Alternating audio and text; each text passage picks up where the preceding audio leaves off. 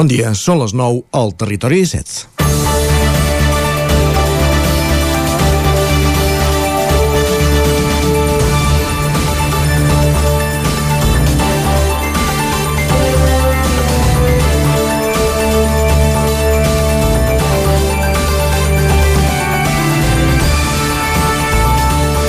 Amb el títol de la gran evasió TV3 a matí el passat 12 de setembre, un reportatge sobre la massificació als espais naturals i el poc respecte envers el medi d'algunes persones detectada en els darrers anys en indrets del nostre entorn, com pot ser el torrent de la Cabana de Can de Bànol o la Riera de Marlès, al Lluçanès.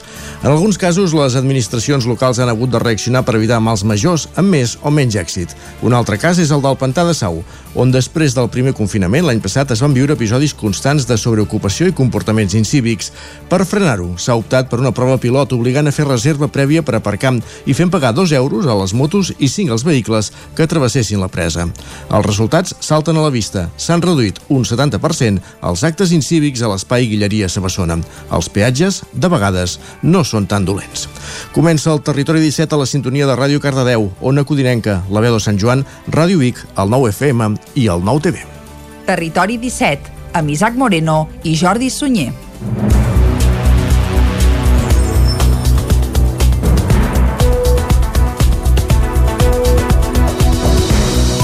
Són les 9 i un minut i mig d'avui dimecres dia 22 de setembre de 2021. Comença ara mateix un nou Territori 17 que avui, com sempre, durant la primera hora us acostarà tota l'actualitat de les nostres comarques. Abans del punt de les 10 hi posarem una mica de música i després vindrà més informació, entrevista i avui, com que és dimecres, tindrem el Lletra Ferits per parlar de literatura. Avui amb l'escriptor ripollès Jordi Raulit. També tindrem el Territori Sostenible amb Jordi Givert i acabarem avui fent un repàs a l'agenda cultural per aquest proper cap de setmana. Ho farem fent visita i parada a tots els punts del nostre territori. Abans, però, i com sempre, el que farem és arrencar tot fent un repàs a l'actualitat de les nostres comarques, les comarques del Ripollès, Osona, el Moianès i el, i el Vallès Oriental.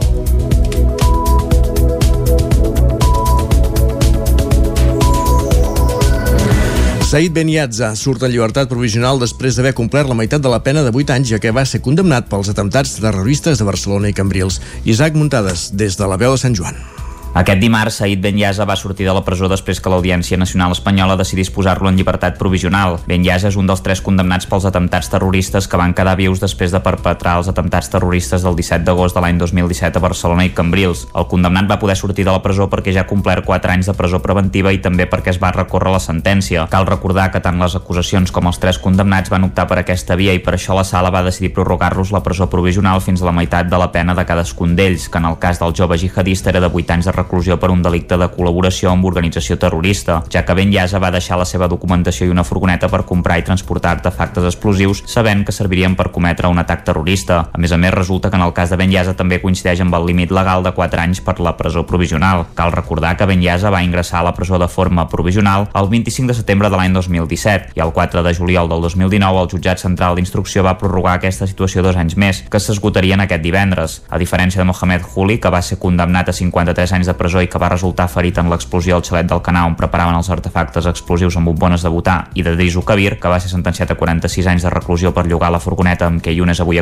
va cometre l'atropellament massiu de les Rambles on van morir 16 persones, Ben Yasa va rebre la pena més baixa perquè la sentència va determinar que ell no pertanyia a la cèl·lula de Ripoll. Tant Juli com Ukabir hauran de seguir a la presó perquè en el seu cas encara no s'ha acabat el límit legal de la meitat de la pena que els va ser imposada, un requisit que va establir l'Audiència Nacional el passat 29 de juny. La llibertat provisional per Ben Yasa estarà subjecte a determinades condicions, i és que l'Audiència li ha imposat una sèrie de mesures cautelars entre les quals hi ha la prohibició de sortir de l'estat espanyol sense autorització judicial i la retenció del passaport, amb la prohibició de sol·licitar-ne un de nou si li ha caducat o no en té. Per altra part, el tribunal l'obliga a designar un domicili fix a Espanya i a comunicar qualsevol canvi de lloc de residència a la sala.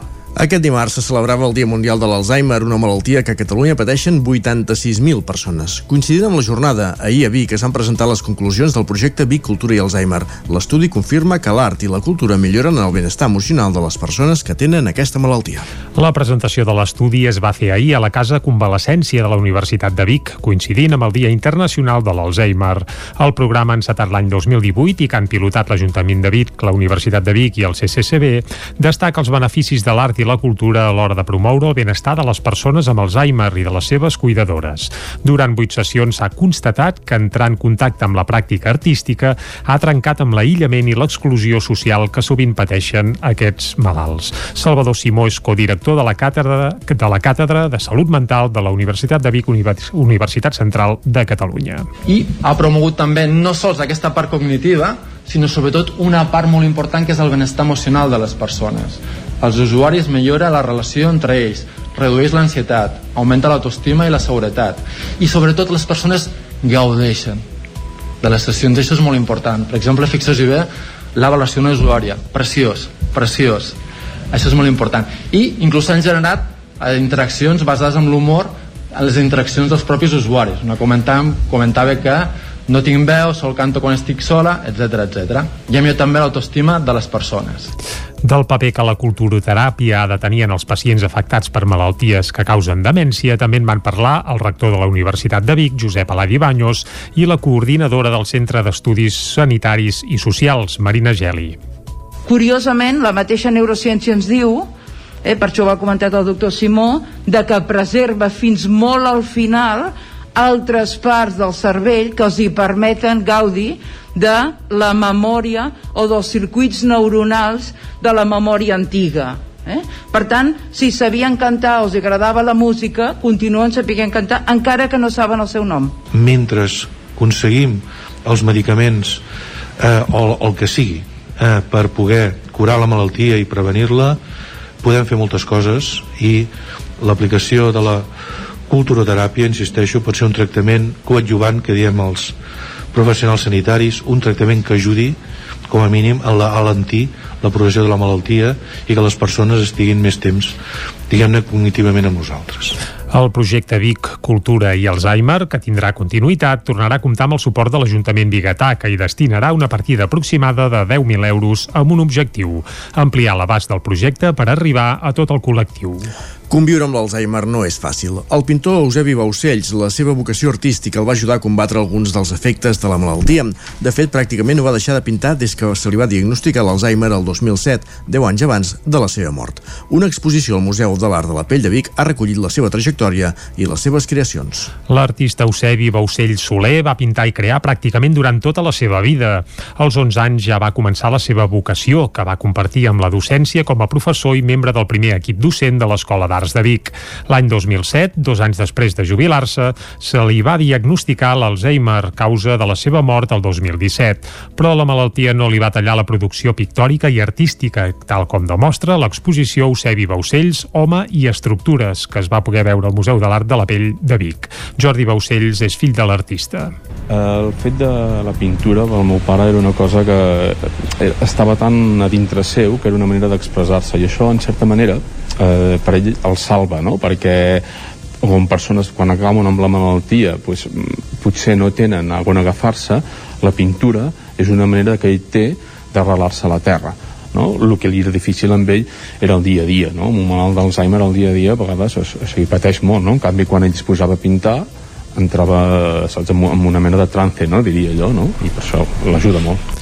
Algunes de les seves creacions s'han pogut veure fins aquest dimarts, Dia Mundial de l'Alzheimer i últim dia de la mostra al Museu de l'Art de la Pell. L'exposició volia fer pública, per una banda, l'obra consistent, seriosa, rigorosa, però potser poc coneguda d'un pintor com l'Eusebi Baucells. Per l'altra, s'ha volgut donar a conèixer una producció marcada per l'estigma d'una malaltia. Toni Garcia és el comissari de l'exposició. Al veure els resultats i tot el procés que havia seguit, ens va semblar que era molt interessant de que eh, es veigués d'una manera pública i eh, poguessin suposar gairebé com a no només pintures, sinó també com a documents que ens són enviats directament des de l'interior de la malaltia. I això és una de les coses que potser més ens va frapar i més ens interessa destacar. L'exposició es va estrenar a finals de juliol i ha tingut molt bona acollida per part del públic. Eusebi Baucells, Home i Estructures, ha comptat alhora amb altres activitats paral·leles per donar a conèixer la pintura i l'Alzheimer en diferents vessants, dues de les qüestions que van marcar més la vida de l'artista. El grup Bon Preu cedeix un local a l'Esclat de Malla per vacunar de la Covid. El Servei d'Atenció Primària d'Osona vacunarà aquest divendres a qualsevol persona igual o més gran de 12 anys sense limitació de territori ni cita prèvia a l'Esclat de Malla. El grup Bon Preu ha cedit un local d'uns 500 metres quadrats on quatre infermers vacunaran a tothom que s'hi atansi des de les 10 del matí a la 1 del migdia i de les 4 de la tarda a les 8 del vespre. A Osona ara mateix hi ha un 78,7% de la població major de 12 anys amb la pauta completa de vacunació.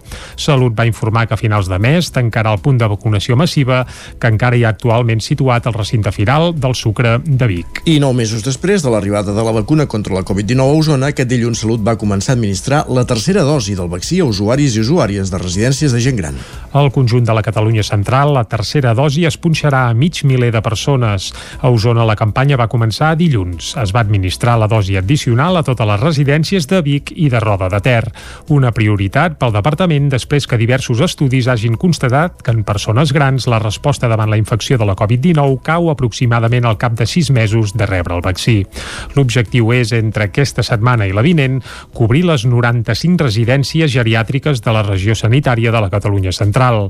Paral·lelament, la setmana passada, Salut va administrar la tercera dosi de la vacuna a una cinquantena de, de persones en tractament immunodepressor. Entre els hospitals de Vic, Manresa i Igualada es van administrar una cinquantena de dosis horaris.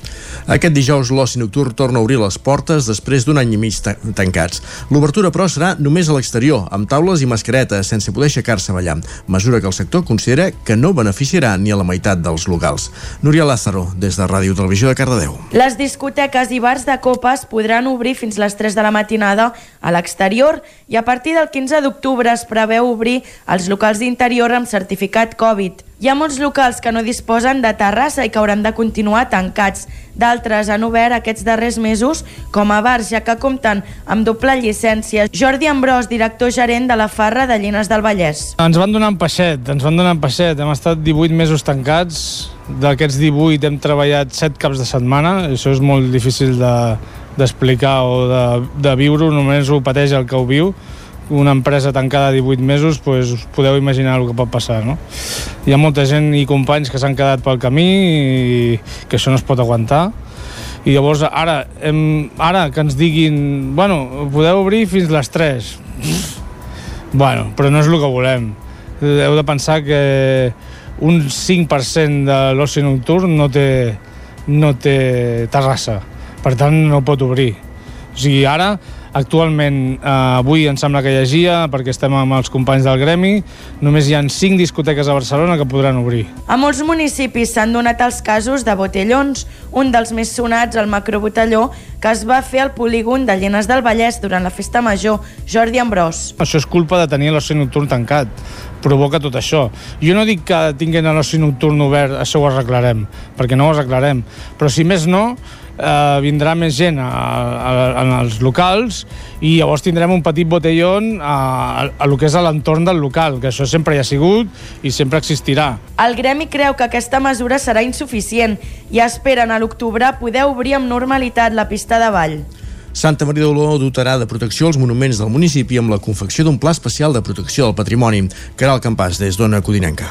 Amb el suport econòmic de la Diputació de Barcelona, l'Ajuntament olonenc redactarà aquest pla que permetrà dotar de la protecció legal necessària als béns culturals i naturals del poble. Monuments arquitectònics, jaciments arqueològics, conjunts urbanístics o espais naturals quedaran catalogats. Eduard Fanoll és l'arquitecte que encapçala el projecte. Els elements patrimonials que estiguin dintre d'aquest pla especial d'alguna manera estan catalogats implica que a l'hora de fer obres s'ha de tenir en compte, s'ha de tenir cura i no es pot fer qualsevol cosa. O sigui, hi ha elements que no es podran enderrocar i s'hauran de vetllar perquè es mantinguin, s'arreglin, es, es rehabilitin, però que no es tirin. Que això fa que també el municipi tingui una identitat diferent als altres gràcies a aquest patrimoni. Tant les lleis estatals com les lleis de la Generalitat obliguen els ajuntaments a tenir aquest pla especial de protecció del patrimoni. Feia cinc anys que l'Ajuntament d'Oló anava al darrere del suport de la Diputació de Barcelona. Eduard Fanoll ens explicava els elements patrimonials més destacats que han trobat a Oló. També per temes arqueològics, les restes d'un castell, etc etc que n'hi han. Aquí teniu molta varietat i també, de, per exemple, obres civils com els molins de, uh -huh. de fariners, que encara queden alguns elements a costat de rieres i, i torrents, i també després, de, òbviament, d'edificacions de, importants a nivell eh, històric i patrimonial eh, arquitectònic com són doncs, totes les esglésies, ermites... Durant els propers 14 mesos, l'equip d'especialistes treballarà en la redacció d'aquest pla. Començaran fent un treball de camp recorrent al terme municipal per analitzar els diferents béns culturals i naturals de Santa Maria d'Oló. Gràcies, Caral. Fulgroles, a Osona, ha estrenat el nou pavelló de les Alzines. Divendres es va inaugurar el nou equipament que ha costat 2 milions i mig d'euros i que s'han darrerit pels efectes en les obres del temporal Glòria i de la pandèmia de Covid-19. En el marc dels actes de la Festa Major, divendres Folgueroles va inaugurar el nou pavelló que porta el nom de les Alzines. L'acte protocolari es va fer sobre el lema que rep els assistents, que diu els grans èxits al principi van ser somnis. La frase es pot aplicar a la construcció de l'equipament de 3.000 metres quadrats que ha costat 2 milions i mig d'euros. L'Ajuntament hi ha posat 1.100.000 euros i la resta s'han obtingut amb subvencions i un préstec. El temporal Glòria i la pandèmia de Covid-19 han fet endarrerir les obres. El projecte, posat en marxa per l'anterior l'anterior equip de govern, amb Carles Baronet d'alcalde, l'ha culminat l'actual consistori, amb Xavier Rubiró al capdavant. L'escoltem. Jo tinc la sort que és caigut que l'he pogut inaugurar i per un poble de 2.200 un pavelló del de, de, pressupost d'aquest elevat és, és important. Ara el més important, això és important, eh? però el més important és que no quedi eh, com, una, com una mona de Pasqua, sinó que sigui utilitzat des del matí fins al vespre. L'actual equip de govern va modificar alguns aspectes del projecte original i va ampliar les sortides d'emergència perquè més enllà de les activitats esportives també se n'hi puguin fer de socials o culturals. A l'edifici també s'hi col·locaran plaques solars amb l'objectiu que donin energia al pavelló i a d'altres equipaments que hi ha a la mateixa zona com el camp de futbol, el consultori mèdic o la llar d'infants. Albert Teixidor és el regidor d'Esports de l'Ajuntament de Folgueroles. Un projecte de futur de cara a Fogueroles també, perquè hi tenim diferents edificis municipals aquí, i el que es pretén doncs, que és amb aquestes plaques i aquesta energia que puguem arribar a aconseguir doncs, donar sostenibilitat a tots aquests edificis i que es puguin autoabastir de l'energia que creem aquí. El pavelló l'utilitzaran sobretot l'Associació de Patinatge Artístic Folgueroles i el Club Patí Folgueroles. També s'hi programaran activitats dirigides. La nova instal·lació agafa el relleu de la pista, que tot i així es continuarà fent servir.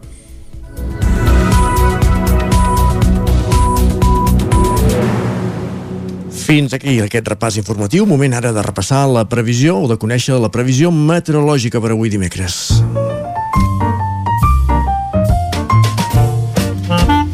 Casa Terradellos us ofereix el temps. I, evidentment, qui ens acosta cada dia a la previsió meteorològica és el Pep Acosta. Pep, molt bon dia. Hola, molt bon dia. Què hora. tal esteu? Eh. Benvinguts a la última mm -hmm. informació del temps d'aquest estiu ah, 2021. Sí, sí, S'acaba l'estació favorita per molta gent, també l'estació que no agrada gens a molta gent, és que com sempre hi ha tot aquest, en aquest món hi ha de tot. I tant. però avui s'acaba l'estiu. A les 9 i 21 minuts d'aquesta nit començarà la tardor que durarà 89 dies i 20 I hores fins al 21 de desembre d'aquest 2021 veurem, veurem eh, com es presenta, com va tot, i ja farem una anàlisi, com sempre, quan acabi aquesta estació que a mi m'agrada molt, m'agrada moltíssim. M'encanta l'estació quan els boscos estan més macos, quan hi ha aquests canvis de colors. A mi personalment m'encanta la tardor. I començarà amb el dia de menys tardor de tota la setmana. Ara mateix hi ha alguns núvols cap al sud de les nostres comarques, alguna petita precipitació cap a Vallès Oriental molt, molt poca cosa. I és que les temperatures han pujat es nota aquesta enorme pertorbació cap al sud del País Valencià que està donant precipitacions molt intenses sobretot al País Valencià i també a les illes. Ja ho vam anunciar i s'ha complet el pronòstic, més de 100 litres en moltes zones, inundacions a Mallorca i Menorca, molta precaució si esteu, si esteu per allà. També cap al sud de Catalunya, cap a les Terres de l'Ebre, hi han precipitacions importants, precipitacions força importants aquests dies. Per les comarques ens arriba de resquitllada que es diu i ha fet aquests vents de sud, aquestes perturbacions ens, ens aporta vents marítims i ha fet que la temperatura avui pugés la mínima. Supera els 10 graus a moltes, moltes zones. Tot això després d'un dia d'ahir bastant fred, amb molts núvols i amb temperatures que no van passar gairebé dels 20 graus a cap població. Avui, com deia, serà el dia de menys tardor de tota la setmana. Tindrem bastanta tranquil·litat, pocs núvols, molt de sol i les temperatures pujaran. Superaran els 24-25 graus fins i tot en alguna població. Serà un dia bastant tranquil, amb alguns núvols a la tarda, però gairebé cap precipitació. Només aquest matí, quatre gotes molt puntuals al sud de Vallès Oriental. Això és tot. Dia molt tranquil, dia de finals d'estiu i d'inici de tardor. Que vagi bé. Adeu. Vinga, que vagi molt bé, Pep, i Isaac, això, eh, avui a les 9 tocades de la nit, se'ns acaba l'estiu i entrem a la tardor. I el viru les castanyes. I els panellets i els moniatos. Ah, és bonica la tardor, eh? I tant. I els bolets, i els bolets. I aquella fullaraca. Uf. Va, anem a les portades? Som-hi. Som-hi. Casa Tarradellas us ha ofert aquest espai.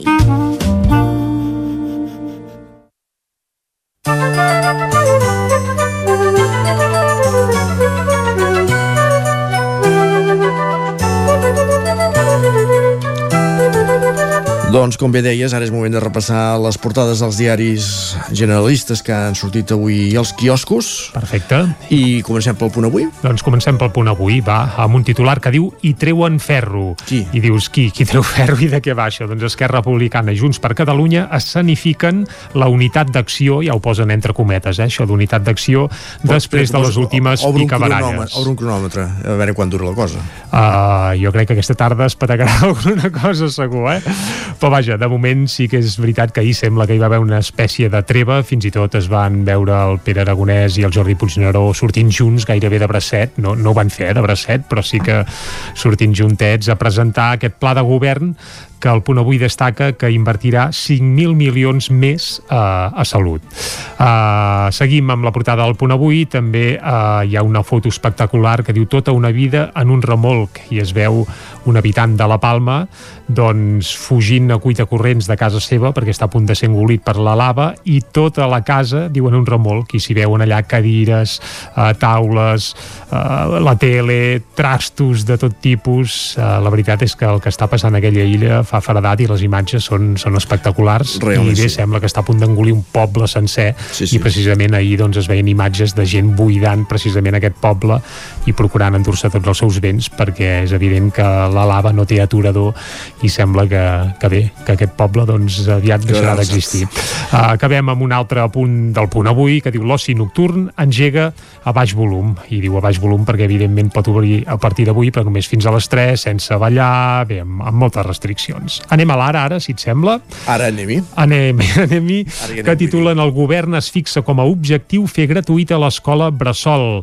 És un dels uh, punts que també surt en aquest pla de l'executiu, que també inclou 5.000 milions extres per salut, tal com deia el punt avui, i la candidatura dels Jocs d'hivern, és a dir, que sembla que s'haurien posat d'acord per amb la complicitat del territori, això també ho deixen clar, doncs apostar per aquests Jocs Olímpics d'hivern. Evidentment la foto torna a ser per aquest volcà de les Canàries, amb unes cometes on es diu la lava engoleix cases com si fossin de paper i la foto evidentment és, és espectacular uh, seguim deixem... Vanguardia, va. Va, anem a l'avantguàrdia o al període... Va, comencem per l'avantguàrdia. Les tecnològiques catalanes demanen l'impuls intercontinental del Prat. Bé, no sé a qui fan referència, però és evident que la gent de l'avantguàrdia té ganes que s'ampli uh, l'aeroport. I a sobre hi ha una foto on diu la catàstrofe del volcà de la Palma deixa una illa desolada. També hi ha un apunt a la dreta de la portada que diu que el Tribunal d'Estrasburg culpa Rússia de la mort de Livichenko. Recordem-ho, aquest, aquest rus que fa ja una desena d'anys va morir a la Gran Bretanya, suposadament enverinat amb, amb poloni. És a dir, que, eh, que vaja, que déu nhi I ce celebren el número 1000 del suplement Cultures. Eh? Sí, també, també hi ha una foto al peu de l'avantguàrdia eh, on celebren, com bé dius, el número 1000 del seu suplement cultural i bé, amb una foto grandiosa, més gran precisament que la, Sí, és- que la de de la és- Palma. és eh? la foto de portada, sí, és la foto més, més gran de portada.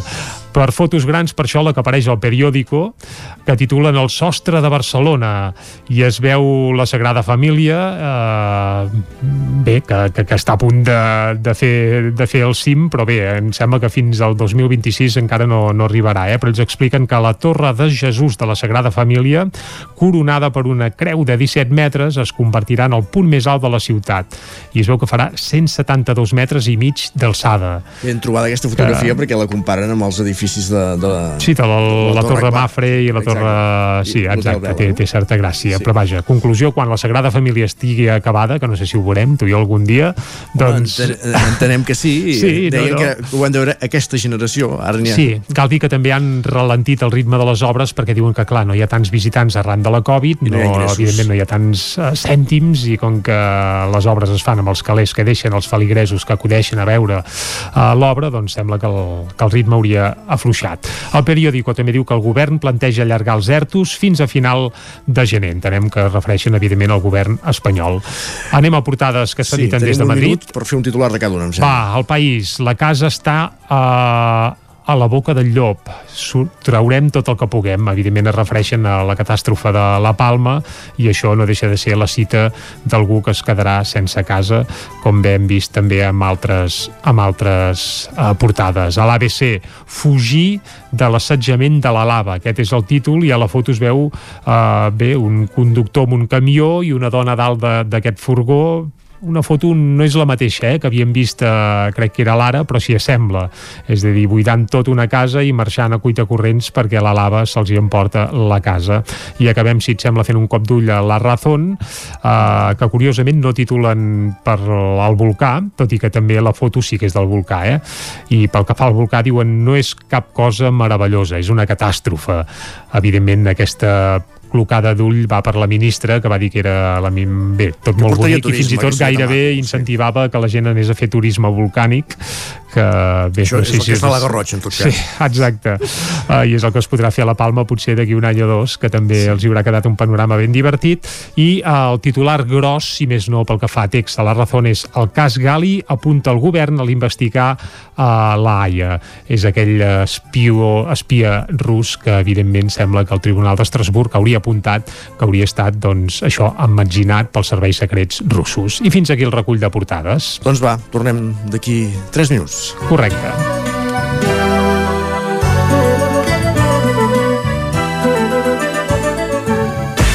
El nou FM, la ràdio de casa, al 92.8.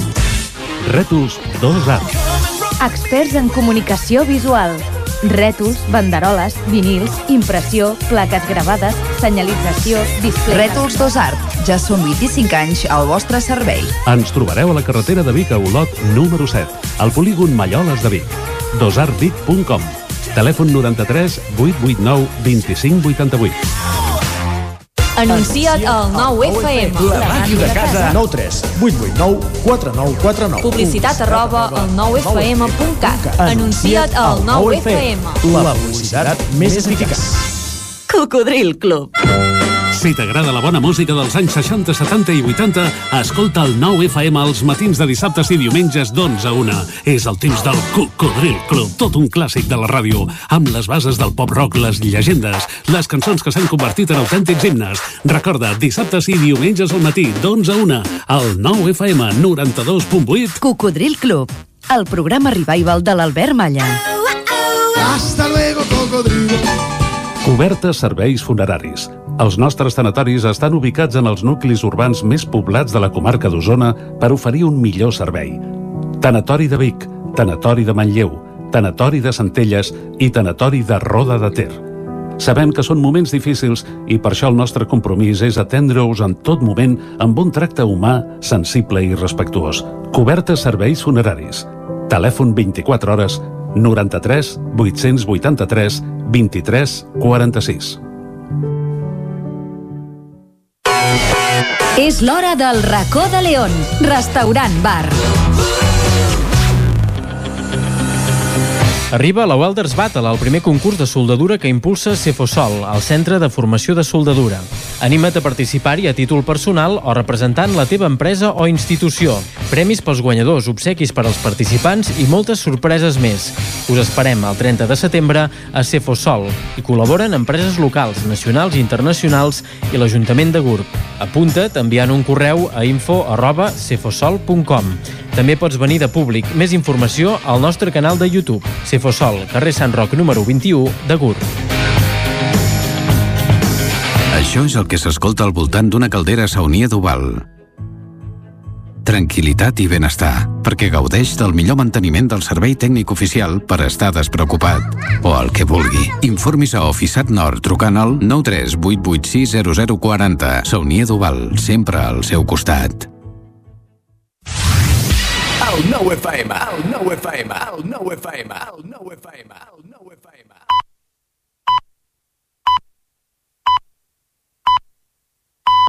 Territori 17, amb Isaac Moreno i Jordi Sunyer.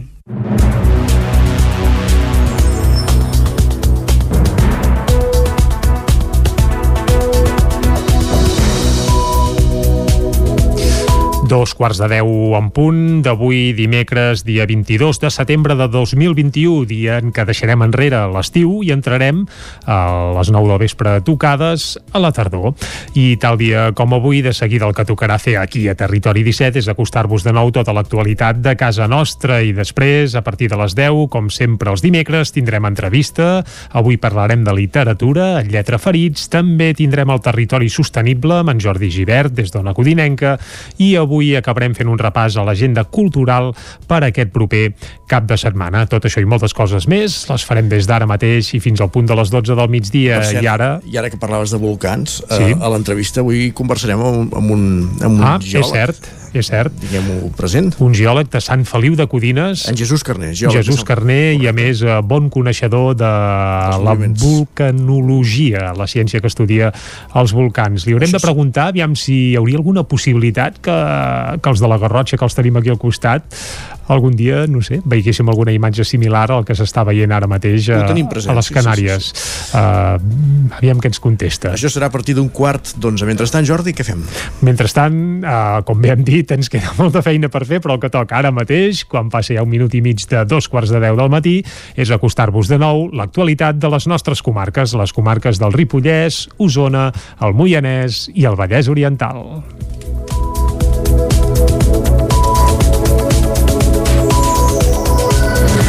Said Beniatza surt en llibertat provisional després d'haver complert la meitat de la pena de 8 anys ja que va ser condemnat pels atemptats terroristes de Barcelona i Cambrils.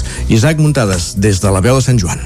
Aquest dimarts, Said Benyaza va sortir de la presó després que l'Audiència Nacional Espanyola decidís posar-lo en llibertat provisional. Benyaza és un dels tres condemnats pels atemptats terroristes que van quedar vius després de perpetrar els atemptats terroristes del 17 d'agost de l'any 2017 a Barcelona i Cambrils. El condemnat va poder sortir de la presó perquè ja ha complert 4 anys de presó preventiva i també perquè es va recórrer la sentència. Cal recordar que tant les acusacions com els tres condemnats van optar per aquesta via i per això la sala va decidir prorrogar-los la presó provisional fins a la meitat de la pena de cadascun d'ells, que en el cas del jove jihadista era de 8 anys de reclusió per un delicte de col·laboració amb organització terrorista, ja que Ben Yasa va deixar la seva documentació i una furgoneta per comprar i transportar artefactes explosius sabent que servirien per cometre un atac terrorista. A més a més, resulta que en el cas de Ben Yasa també coincideix amb el límit legal de 4 anys per la presó provisional. Cal recordar que Ben Yasa va ingressar a la presó de forma provisional el 25 de setembre de l'any 2017 i el 4 de juliol del 2019 el jutjat central d'instrucció va prorrogar aquesta situació dos anys més, que s'esgotarien aquest divendres. A diferència de Mohamed Juli, que va ser condemnat a 53 anys de presó i que va resultar ferit en l'explosió al xalet del Canà on preparaven els artefactes explosius amb bombones de butà, i de Drisu Kabir, que va ser sentenciat a 46 anys de reclusió per llogar la furgoneta amb què Younes avui va cometre l'atropellament massiu de les Rambles on van morir 16 persones, Ben Yasa va rebre la pena més baixa perquè la sentència va determinar que ell no pertanyia a la cèl·lula de Ripoll. Tant Juli com Ukabir hauran de seguir a la presó perquè en el seu cas encara no s'ha acabat el límit legal de la meitat de la pena que els va ser imposada, un requisit que va establir l'Audiència Nacional el passat 29 de juny. La llibertat provisional per Ben Yasa estarà subjecte a determinades condicions, i és que l'Audiència li ha imposat una sèrie de mesures cautelars entre les quals hi ha la prohibició de sortir de l'estat espanyol sense autorització judicial i la retenció del passaport, amb la prohibició de suscitar-ne un de nou si li ha caducat o no en té. Per altra part, el tribunal l'obliga a designar un domicili fix a Espanya i a comunicar qualsevol canvi de lloc de residència a la sala. Aquest dimarts se celebrava el Dia Mundial de l'Alzheimer, una malaltia que a Catalunya pateixen 86.000 persones. Coincidint amb la jornada, ahir a Vic es van presentar les conclusions del projecte Vic Cultura i Alzheimer. L'estudi confirma que l'art i la cultura milloren el benestar emocional de les persones que tenen aquesta malaltia. La presentació de l'estudi es va fer ahir a la Casa Convalescència de la Universitat de Vic, coincidint amb el Dia Internacional de l'Alzheimer.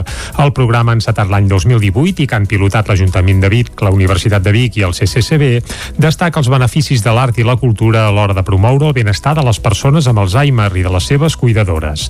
Durant vuit sessions s'ha constatat que entrar en contacte amb la pràctica artística ha trencat amb l'aïllament i l'exclusió social que sovint pateixen aquests malalts. Salvador Simó és codirector de la càtedra de la càtedra de Salut Mental de la Universitat de Vic Universitat Central de Catalunya. I ha promogut també no sols aquesta part cognitiva, sinó sobretot una part molt important que és el benestar emocional de les persones.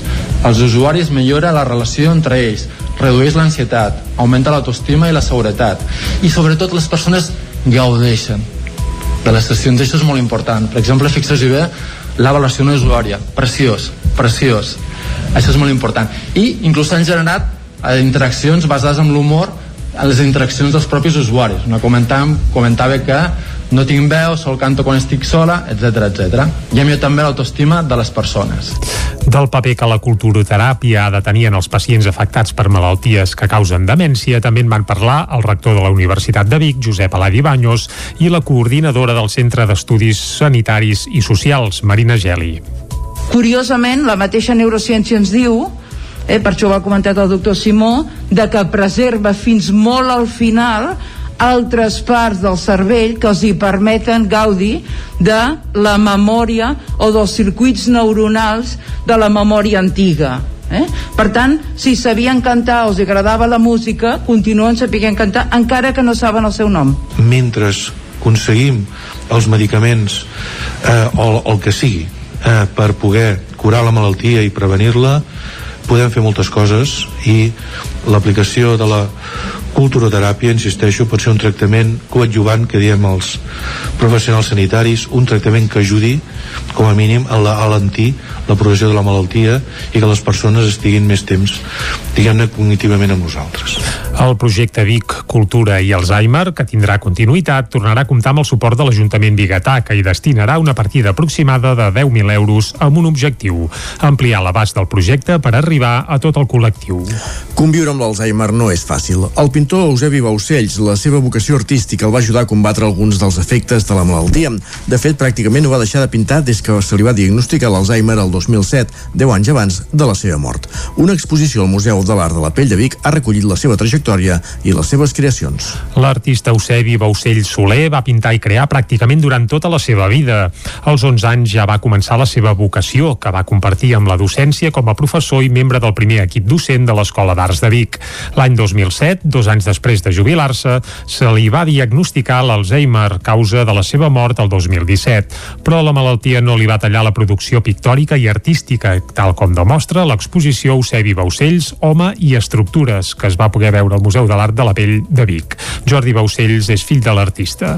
El fet de la pintura pel meu pare era una cosa que estava tan a dintre seu que era una manera d'expressar-se i això en certa manera eh, per ell el salva no? perquè on persones quan acaben amb la malaltia pues, potser no tenen a on agafar-se la pintura és una manera que ell té d'arrelar-se a la terra no? el que li era difícil amb ell era el dia a dia no? amb un malalt d'Alzheimer el dia a dia a vegades o sigui, pateix molt no? en canvi quan ell es posava a pintar entrava saps, en una mena de trance, no? diria allò, no? i per això l'ajuda molt. Algunes de les seves creacions s'han pogut veure fins aquest dimarts, Dia Mundial de l'Alzheimer i últim dia de la mostra al Museu de l'Art de la Pell. L'exposició volia fer pública, per una banda, l'obra consistent, seriosa, rigorosa, però potser poc coneguda d'un pintor com l'Eusebi Baucells. Per l'altra, s'ha volgut donar a conèixer una producció marcada per l'estigma d'una malaltia. Toni Garcia és el comissari de l'exposició. Al veure els resultats i tot el procés que havia seguit, ens va semblar que era molt interessant de que eh, es veigués d'una manera pública i eh, poguessin suposar gairebé com a, no només pintures, sinó també com a documents que ens són enviats directament des de l'interior de la malaltia. I això és una de les coses que potser més ens va frapar i més ens interessa destacar.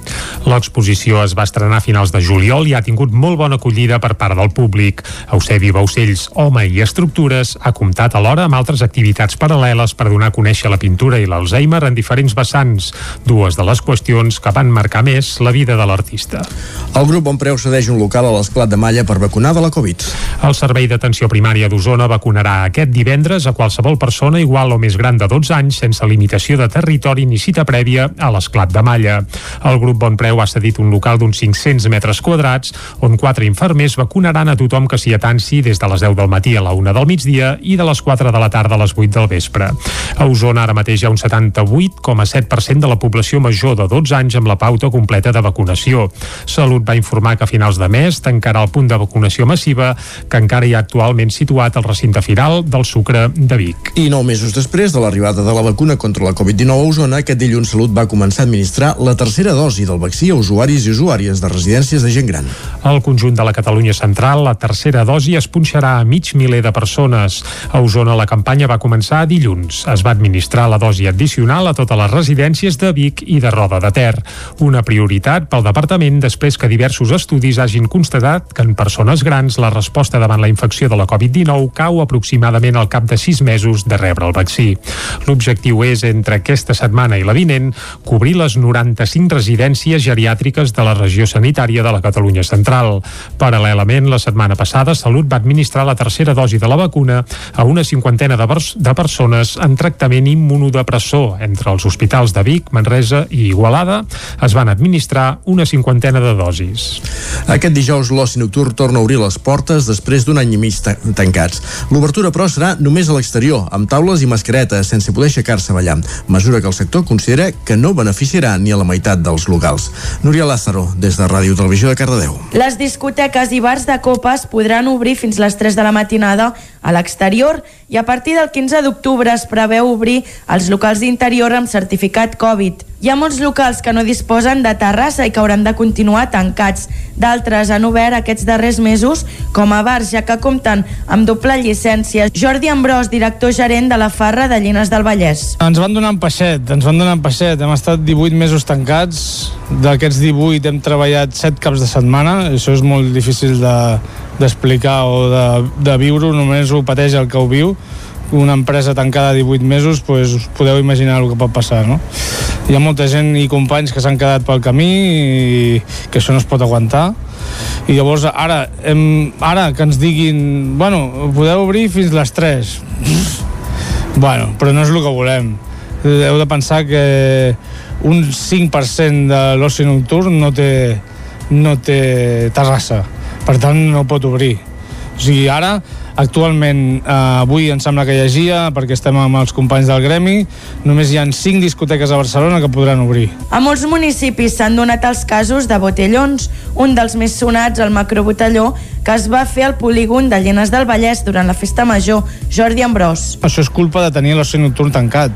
Provoca tot això. Jo no dic que tinguin l'oci nocturn obert, això ho arreglarem, perquè no ho arreglarem. Però si més no, eh, vindrà més gent a, a, a, als locals i llavors tindrem un petit botellón a, a, a lo que és a l'entorn del local, que això sempre hi ha sigut i sempre existirà. El gremi creu que aquesta mesura serà insuficient i esperen a l'octubre poder obrir amb normalitat la pista de ball. Santa Maria d'Oló dotarà de protecció els monuments del municipi amb la confecció d'un pla especial de protecció del patrimoni. Caral Campàs, des d'Ona Codinenca.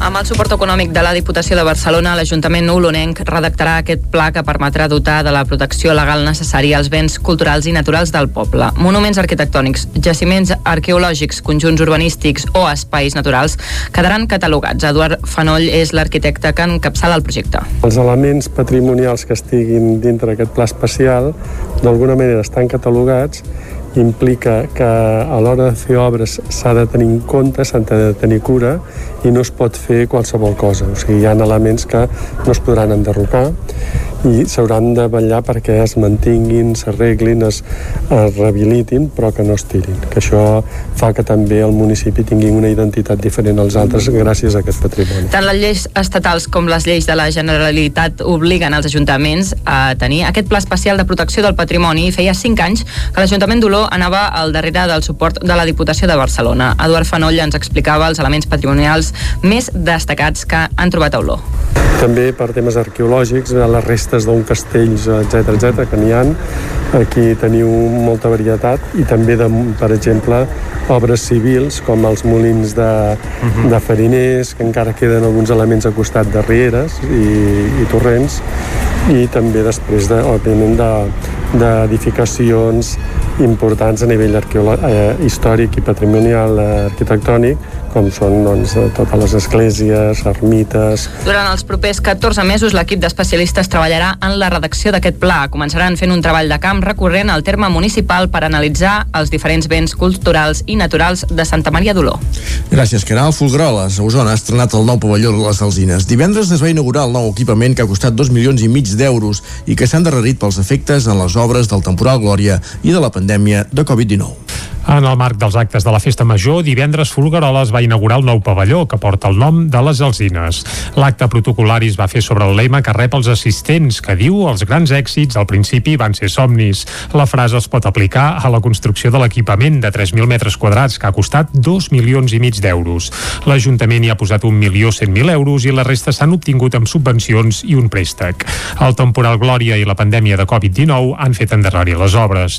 El projecte, posat en marxa per l'anterior l'anterior equip de govern, amb Carles Baronet d'alcalde, l'ha culminat l'actual consistori, amb Xavier Rubiró al capdavant. L'escoltem. Jo tinc la sort que és caigut que l'he pogut inaugurar i per un poble de 2.200 un pavelló de, de, el pressupost d'aquest elevat és, és important. Ara el més important, això és important, eh? però el més important és que no quedi eh, com, una, com una mona de Pasqua, sinó que sigui utilitzat des del matí fins al vespre. L'actual equip de govern va modificar alguns aspectes del projecte original i va ampliar les sortides d'emergència perquè més enllà de les activitats esportives també se n'hi puguin fer de socials o culturals. A l'edifici també s'hi col·locaran plaques solars amb l'objectiu que donin energia al pavelló i a d'altres equipaments que hi ha a la mateixa zona com el camp de futbol, el consultori mèdic o la llar d'infants.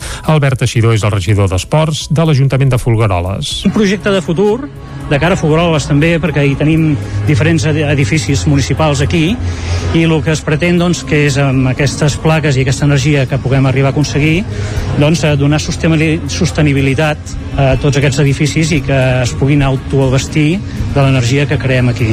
El pavelló l'utilitzaran sobretot l'Associació de Patinatge Artístic Folgueroles i el Club Patí Folgueroles. També s'hi programaran activitats dirigides. La nova instal·lació agafa el relleu de la pista, que tot i així es continuarà fent servir.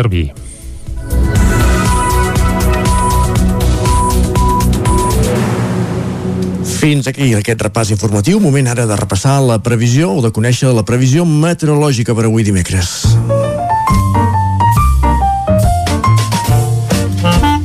Casa Terradellos us ofereix el temps. I, evidentment, qui ens acosta cada dia a la previsió meteorològica és el Pep Acosta. Pep, molt bon dia. Hola, molt bon dia. Què tal esteu? Eh. Benvinguts a la última mm -hmm. informació del temps d'aquest estiu ah, 2021. Sí, sí, S'acaba l'estació favorita per molta gent, també l'estació que no agrada gens a molta gent, és que com sempre hi ha tot aquest, en aquest món hi ha de tot I tant. però avui s'acaba l'estiu a les 9 i 21 minuts d'aquesta nit començarà la tardor que durarà 89 dies i 20 I hores fins al 21 de desembre d'aquest 2021 veurem, veurem eh, com es presenta, com va tot, i ja farem una anàlisi, com sempre, quan acabi aquesta estació que a mi m'agrada molt, m'agrada moltíssim. M'encanta l'estació quan els boscos estan més macos, quan hi ha aquests canvis de colors. A mi personalment m'encanta la tardor.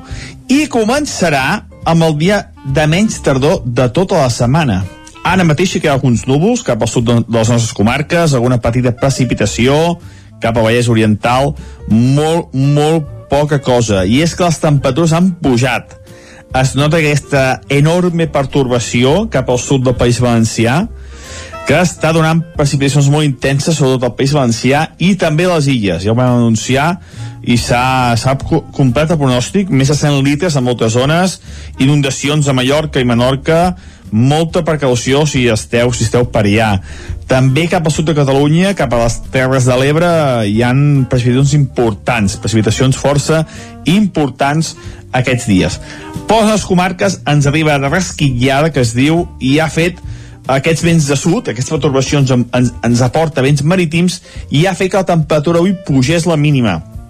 Supera els 10 graus a moltes, moltes zones. Tot això després d'un dia d'ahir bastant fred, amb molts núvols i amb temperatures que no van passar gairebé dels 20 graus a cap població. Avui, com deia, serà el dia de menys tardor de tota la setmana. Tindrem bastanta tranquil·litat, pocs núvols, molt de sol i les temperatures pujaran superaran els 24-25 graus fins i tot en alguna població. Serà un dia bastant tranquil, amb alguns núvols a la tarda, però gairebé cap precipitació. Només aquest matí, quatre gotes molt puntuals al sud de Vallès Oriental. Això és tot. Dia molt tranquil, dia de finals d'estiu i d'inici de tardor. Que vagi bé. Adeu. Vinga, que vagi molt bé, Pep, i Isaac, això, eh, avui a les 9 tocades de la nit, se'ns acaba l'estiu i entrem a la tardor. I el viru les castanyes. I els panellets i els moniatos. Ah, és bonica la tardor, eh? I tant. I els bolets, i els bolets. I aquella fullaraca. Uf. Va, anem a les portades? Som-hi. Som-hi. Casa Tarradellas us ha ofert aquest espai.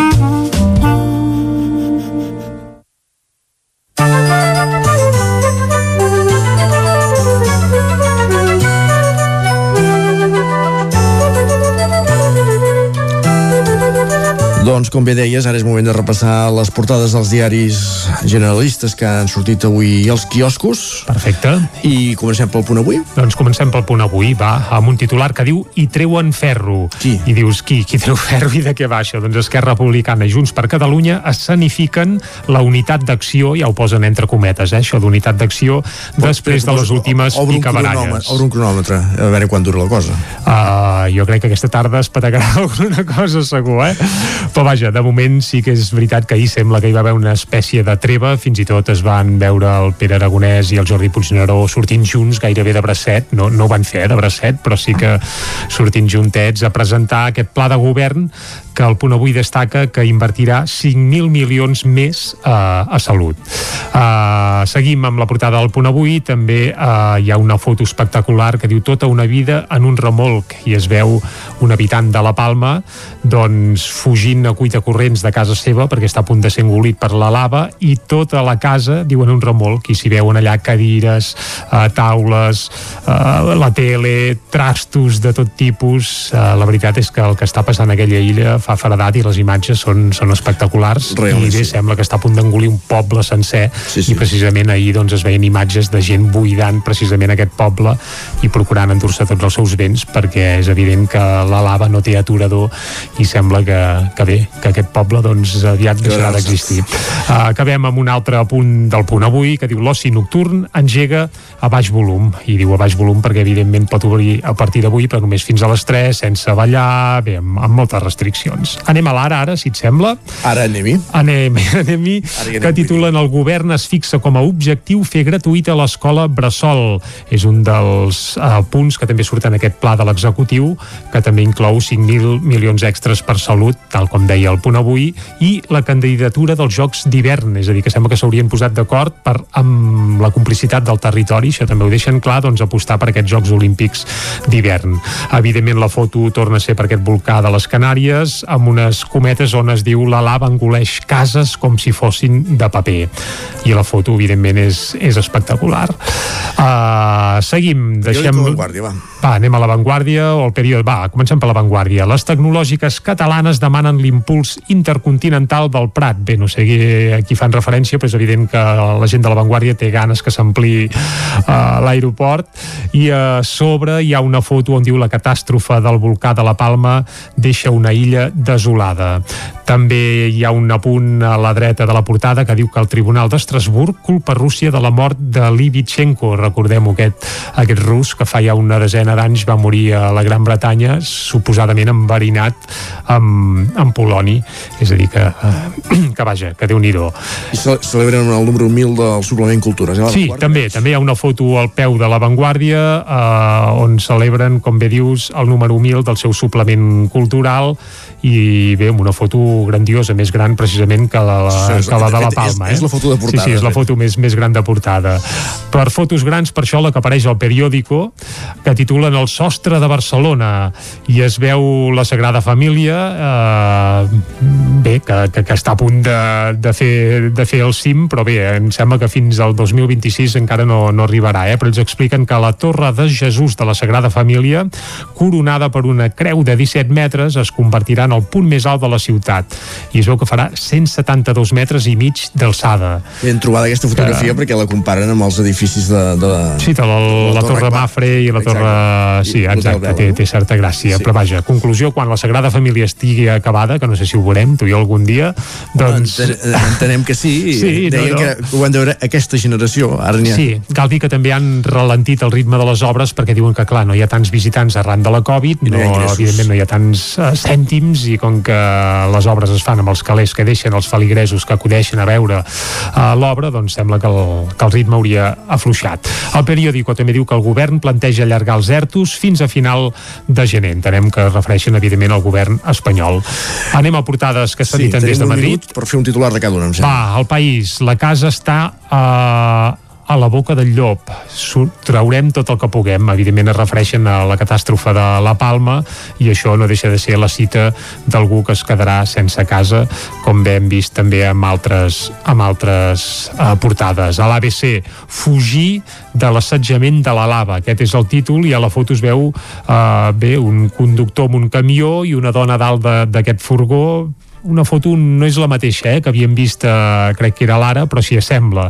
És a dir, buidant tot una casa i marxant a cuita corrents perquè la lava se'ls hi emporta la casa. I acabem, si et sembla, fent un cop d'ull a La Razón, eh, que curiosament no titulen per el volcà, tot i que també la foto sí que és del volcà, eh? I pel que fa al volcà diuen no és cap cosa meravellosa, és una catàstrofe.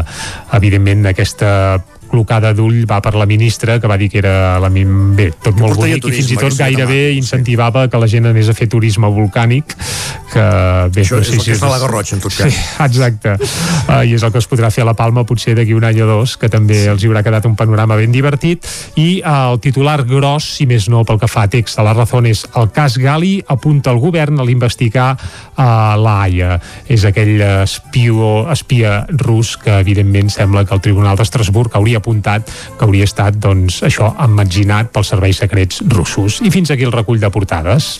Doncs moment d'escoltar mm música, Jordi. Exacte. Uh, deixem el tema a premsa, posem-hi una mica d'alegria, una mica de música, fins a arribar al punt de les 10, i avui, avui portem el més nou d'un xicot uh, de Granollers, cal dir que ara viu... Val, a dir que jo quan he vist aquest, aquest nom, eh? El nom que m'has deixat aquí apuntat. Sí, sí, sí. I avui he sentit al matí que era l'aniversari de l'Albert Pla i dic, oita, una cançó de l'Albert Pla i els lacs en busto. Doncs no, no, no, no, no, no. L'Albert Lax, Lax de cognom i la X, no Carai. té res a veure amb els lacs en busto, tampoc té res a veure amb, amb l'Albert Pla. Uh, és un xicot de Granollers que, per cert, ara viu a Barcelona, és a dir, que ara mateix, entre cometes, no seria granollerí, però nosaltres ens el fem nostre sempre, i, i cap al territori 17. Quan algú entra al territori doncs... 17, per molt que en surti, sempre continua sent-ho. Doncs l'Albert Lax va començar la seva carrera l'any 2017 editant un primer disc, allò de rock alternatiu, indie, folk, una mica també americana, bé, venia a ser un band d'autor d'aquests eh, americans, de Granollers, i cantant en anglès. L'any 2020 en va editar un altre, de disc, i resulta que en un d'aquests concerts el va fer a la Jazz Cava de Vic, i saps Carai. a qui va conèixer? Entre no el públic, creiem, així casualment no, el, en Quimi Portet, ah, tu ves per on? uh, en Quimi van allà diu, oh, oh, es van fer amics, com qui no vol la cosa i en Quimi, ostres, com em mola el que fas, no sé què, i xerrant, xerrant, doncs l'Albert Lax va acabar decidint que a partir d'ara gravaria cançons en català. I precisament un, alguna d'aquestes cançons en català ja es va poder escoltar aquest passat cap de setmana a Vic, perquè l'Albert Lax va passar pel Mercat de Música Viva, i, per exemple, eh, s'hi va poder escoltar Espurnes, que és la cançó que escoltarem avui aquí a Territori 17, que és la seva primera cançó que han registrat en català. N'ha fet ja un parell més, les han registrat amb la companyia companyia, a més a més, del Quimi Portet i el Víctor Valiente, van anar a Musicland, segurament un dels estudis més potents que hi ha ara mateix arreu d'Europa, ja veus que, que no s'ha pas quedat curt, i ha tret una obra d'art que escoltarem ara fins a arribar al punt de les 10, es diu Espurnes, i segurament ben aviat vindran més sorpreses, és a dir, pot ser que arribi un disc llarga durada de l'Albert Lax en català. De moment escoltarem aquesta primera peça, Espurnes. Escapa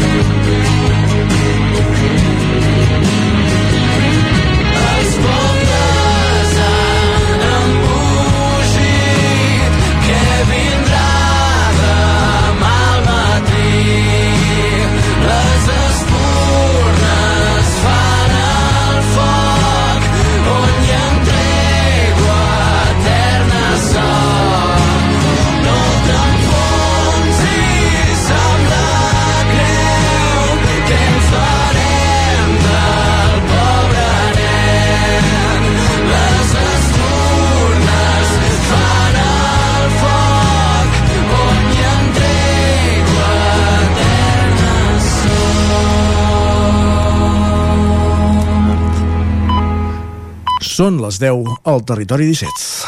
Territori 17.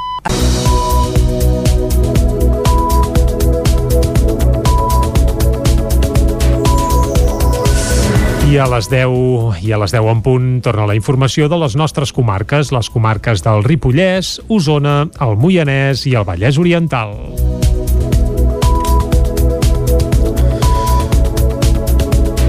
A Osona, i altres punts del territori 17, però ens centrem en Osona. Aquests dies es fan diverses activitats relacionades amb la Setmana Europea de la Mobilitat Sostenible. Vic ha vinculat la commemoració als 10 anys de l'Anella Verda i el projecte Ciutats Saludables i diverses de les propostes serveixen per donar a conèixer el Puig dels Jueus. El cap del Remei de Vic era el punt de sortida diumenge al matí d'una caminada saludable que va portar els participants fins al Puig dels Jueus, seguint un dels trams de línia verda que s'han pintat a Vic i que condueixen cap a aquest pulmó verd de la ciutat. Els 5 quilòmetres de línia verda efímera i la caminada formaven part de les activitats programades a la ciutat en el marc de la Setmana Europea de la Mobilitat, que es fa fins aquest proper diumenge. A Vic hi coincideix amb el desè aniversari de l'Anella Verda i amb el projecte europeu Ciutats Saludables, que lidera la capital usonenca. Fabiana Palmero és la regidora d'Urbanisme i Mobilitat de l'Ajuntament de Vic. Aquestes línies han aconseguit el seu efecte, les hem fet amb una pintura ecològica que és més un guix que no passa una pintura, llavors estan eh, esborrant i aquesta era la voluntat, no? tenen un, trajecte efímer que marquen diferents punts de la ciutat, com podem arribar fins al Puig dels Jueus, perquè la gent el conegui i se'l senti propi i s'empoderi d'aquest espai i l'aprofiti per fer salut. Dissabte al Puig dels Jueus s'hi van instal·lar una trentena de caixes niu i s'hi van alliberar dos xuriguers provinents del Centre de Recuperació de Fauna de Torreferrussa. Aquest proper cap de setmana al mateix espai s'hi ha programat un concert de Lías Sampai i Adrià Pagès.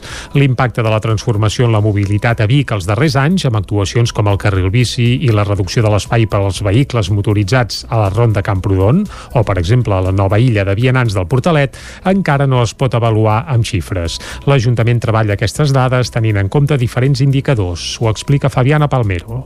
Llavors els indicadors són aquests, és a dir, com mesurem qualitat de l'aire, quantitat de cotxes i benestar de les persones. Dir, quina és la sensació que té la gent quan està en aquests espais en relació a la sensació que tenia abans de la transformació. En el marc de la Setmana Europea de la Mobilitat, aquest dijous es farà la primera cursa de transports a Osona.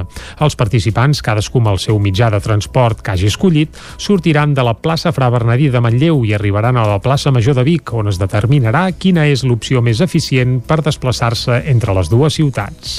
El control d'accés al pantà de Sau fa caure un 70% als actes incívics de l'Espai Natural Guilleria Samassona. En el que portem d'any a l'espai s'han registrat 13.300 visitants, una xifra si similar, a la del 2019 i molt lluny dels 24.000 del 2020. L'Ajuntament de Vilanova de Sau fa un balanç molt positiu de la prova pilot per regular, regular volem dir, l'accés a la zona de lleure de l'embassament que s'ha portat a terme aquest estiu i coincideix amb la conclusió a la qual permeten arribar les dades facilitades per l'Espai Natural Guilleries Sabassona. La campanya ha permès reduir la pressió de visitants al medi natural i des de la seva aplicació han disminuït les incidències i actes incívics en un 70%. Tot plegat ha fet més fàcil la convivència entre el turisme i la gent que viu al territori i no s'han registrat casos de col·lapse en camins o accessos a cases particulars com havia passat l'estiu anterior. Des d'un altre vessant, el de la prevenció d'incendis, també s'ha pogut comprovar l'efecte beneficiós del control d'accés a la Vall de Sau. Els informadors han hagut de dissuadir 44 activitats no permeses a Osona pel risc de, provo de provocar un foc en un entorn natural i gran part d'aquestes incidències es van registrar a la zona del Pantà de Sau. Pel que fa a les xifres de visitants, durant aquesta campanya d'estiu han passat 13.300 persones per l'espai de lleure de Sau, una xifra molt similar a la del, a la del 2019, quan la pandèmia encara no era un condicionant. L'estiu del 2020, poc després de finalitzar els confinaments generals de la població per fer front a la Covid-19, es van comptabilitzar fins a 24.000 visitants a la zona de Sau, fent evident una situació de massificació que va generar problemes a l'espai. La prova pilot va entrar en funcionament el 20 de juliol i s'ha mantingut activa durant 56 dies fins al 12 de setembre. Entre les mesures aplicades destacava el fet d'haver de realitzar una reserva prèvia amb un cost de 2 euros per les motos i 5 euros pels vehicles per poder aparcar als espais habilitats. Per cert, els aparcaments es van omplir 16 dies, un 31% del total. Cardedeu serà una àrea amb preu de lloguer controlat per contenir i moderar el preu dels contractes. L'Ajuntament farà un seguiment dels lloguers perquè no es faci un mal ús de la normativa. Núria Lázaro, des de Ràdio Televisió de Cardedeu. Dilluns sortia publicat al Diari Oficial de la Generalitat de Catalunya la resolució oficial que declara Cardedeu com a àrea amb mercat d'habitatge tens. Des del maig d'aquest any que el municipi va demanar a la Generalitat ser una àrea amb preu de lloguer controlat, ja que els preus han pujat un 24% en els darrers 5 anys, cosa que el situa en els 10 euros per metre quadrat al mes. Cardedeu té una creixent demanda d'habitatge de lloguer, especialment de lloguer social i d'emergència, i les famílies cada vegada tenen més dificultats per poder assumir el cost del lloguer, fet que ha comportat un augment de les sol·licituds d'ajudes. Ara l'Ajuntament començarà a regular aquests casos. Laia Muñoz, regidora d'Habitatge de Cardedeu aquesta setmana el que hem de fer és seure i veure com fem aquesta campanya de comunicació i també d'explicació. Entenc que les persones propietàries, així com les immobiliàries, tot i que dono per fet que saben bastant de què va la normativa, doncs a nosaltres com a Ajuntament ens tocarà informar i explicar eh, fins ara doncs, quin és el topall que, que, que poden cobrar. Topall, que no vol dir que si alguna persona propietària vol establir un preu per sota d'aquest topall, evidentment també pot, mai per sobre. L'Ajuntament de Cardedeu estarà al darrere de les immobiliàries per fer un seguiment del preu en el cas que vegin que no es compleix amb l'índex de referència que ha taxat la Generalitat. Gràcies, Núria. Anem a Vic. L'Església de Lourdes, l'últim temple catòlic construït a la ciutat, ha complert 50 anys. Per commemorar-ho, el grup familiar de la parròquia ha organitzat una exposició de fotografies històriques que es pot visitar fins a finals d'any. L'edifici es va inaugurar el desembre de 1970 i destaca per les seves línies austeres i funcionals, recollint l'esperit del Concili Vaticà II. El projecte, signat per l'arquitecte Francesc Salvans, duia l'empremta de Joan Riera, el popular promotor d'habitatges socials i avui biguetà il·lustre, que és qui es va encarregar de buscar el terreny i qui va defensar el caràcter funcional i poc ostentós que havia de tenir el temple. En aquesta línia, els promotors van donar a l'edifici forma de nau perquè així, si no, si no acabava de funcionar com a església, es pogués reconvertir, atenció, en un supermercat. Això explicaria la singularitat que l'espai disposi de dues portes d'entrada i tres de sortida. Aquesta és una de les anècdotes que han pogut recollir Maria Àngels Bernils i Assumpta Casanovas durant el procés de muntatge de l'exposició. Josep Maria Calm va ser un dels primers rectors de la nova església. Després vindrien els mossèn Junyent, Coll, Verdolet, Sangles, Jiménez, Xia i des de fa un any el colombià Andrei Castrillón, que també porta les parròquies del Remei, Sant Fores, Santa Eulàlia i Muntanyola. Durant tots aquests anys, la vida parroquial de Lourdes, que abasta els barris biguetans de l'Estadi, l'Horta Vermella, Plaça Osona, Santana, Serra de Sant Ferm i la Calla, l'han alimentat els mateixos feligresos, gràcies a un, a un actiu grup familiar, que abans s'anomenava grup de joves, que ha arribat a impulsar des de colònies d'estiu fins a tallers, a plecs o al mateix grup d'escoltes Tsunami.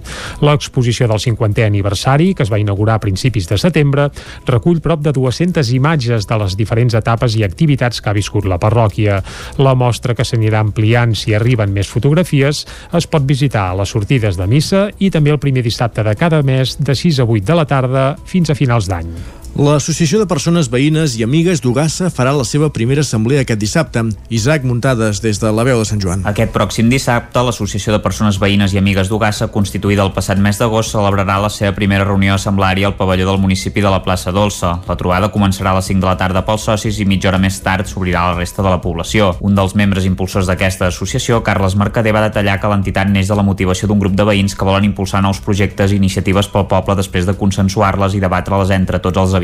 Actualment a Ugassa hi ha censades 240 persones i més d'un centenari viuen durant tot l'any de manera habitual. Tot i que la xifra ha augmentat pel teletreball, en total en poc més d'un mes l'entitat ja compta amb més de 60 associats. L'associació té la intenció de reunir-se almenys un cop cada dos o tres mesos, però això ho acabarà decidint l'assemblea. A més, vol ser proactiva i treballar en la creació d'unes comissions que representin els diversos àmbits del poble com la de cultura, jovent, gent gran, el museu, el benestar social, l'escola o l'obra pública. La idea és no votar només durant les eleccions i després despreocupar-se en 4 anys. Mercader va enumerar alguns dels temes en què cal una millora. Però crec que, per exemple, el tema de la gent gran doncs, que tingui possibilitats de desplaçament, que no s'hagi de canviar de municipi si vol viure, si vol seguir vivint a Ugassa, doncs eh, és un tema a nivell social important, perquè no es tracta de recuperar famílies, sinó de no deixar marxar les que ja hi són, no? O el tema dels infants, que quan han d'anar a Sant Joan o han d'anar a Ripoll a estudiar, doncs perquè a Ugassa doncs, s'arriba fins a un curs, doncs tinguin desplaçaments assegurats, treballar el tema de la interacció potser de l'escola amb el museu i de que, bueno, té una miqueta tots aquests temes que pel temps doncs també han anat eh, perdent. I sobretot, crec que és molt important trencar els estereotips i els tabús que, que porten masses anys arrossegant-nos, no? Que si els d'aquí, que si els de fora, que si totes aquestes coses no, no aporten. Tot i que encara queda més d'un any i mig per les pròximes eleccions municipals, aquesta associació no descarta presentar-se d'alguna manera als comicis, tot i que Mercader va dir que ara tot just comencen a caminar i que l'Assemblea haurà de prendre una decisió en comú. Amb tot, Mercader va assegurar que té una bona relació amb l'alcalde Josep Trems i això no va de penjar-se medalles, sinó d'ajudar i fer anar més ràpids els projectes. Gràcies, Isaac. Castellterçol ha encetat la segona part de la temporada d'Arts Escèniques professional del Moianès amb una adaptació de les dones sàvies de Molière, que ha trencat esquemes. Caral Campàs, des d'Ona Codinenca. L'obra teatral Les dones sàvies d'Enric Cambrai i Ricard Ferrer va esgotar les entrades de l'espai escènic de Castellterçol aquest dissabte. Els dos directors i actors han passat pel seu particular sedàs l'obra de Molière i com a resultat tenim l'actualització d'un clàssic que no va deixar indiferent a ningú. Oriol Casso és regidor de Cultura i membre de l'equip de producció de la temporada d'Arts Escèniques del Moianès. I, i llavors eh, és una, és, clar, és una, és, és una comèdia de clàssic, però ja dic, amb un joc interpretatiu que, que trenca una mica les convencions de, del clàssic. Vale? Que és, és, és, podríem dir que és una comèdia d'humor, no és un clàssic pròpiament. A l'hora de programar la temporada d'Arts Escèniques Professionals de Castellterçol hi participa un grup de treball amb part del públic habitual del centre que selecciona les obres de teatre d'aquella gent que, que veu teatre i que durant l'any doncs, té l'interès d'anar a veure una obra, ara una altra, ara aquí, allà, i llavors diguem que cadascú fa unes propostes, mirem si està dins del programa .cat i llavors eh, anem triant. Llavors, bueno, hi ha, hi ha una època de debat, de dir, hòstia, aquesta m'agrada molt, i aquesta no, i aquesta és trista, aquesta és sèria, aquesta és... Bueno. Aquest any la temporada s'allarga i fins a entrar al mes de desembre es podrà gaudir de teatre professional al Moianès amb una actuació cada mes.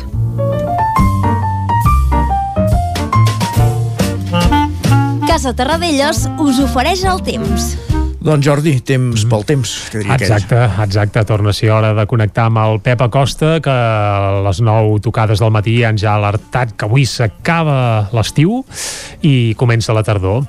Bé, l'estiu eh, evidentment astronòmic, eh, perquè el meteorològic ja fa uns quants dies que l'hem deixat enrere. Eh, el saludem, no? Ja? Sí, va, anem-hi, anem Pep, bon dia de nou, eh? Hola, molt bon dia. Què tal esteu?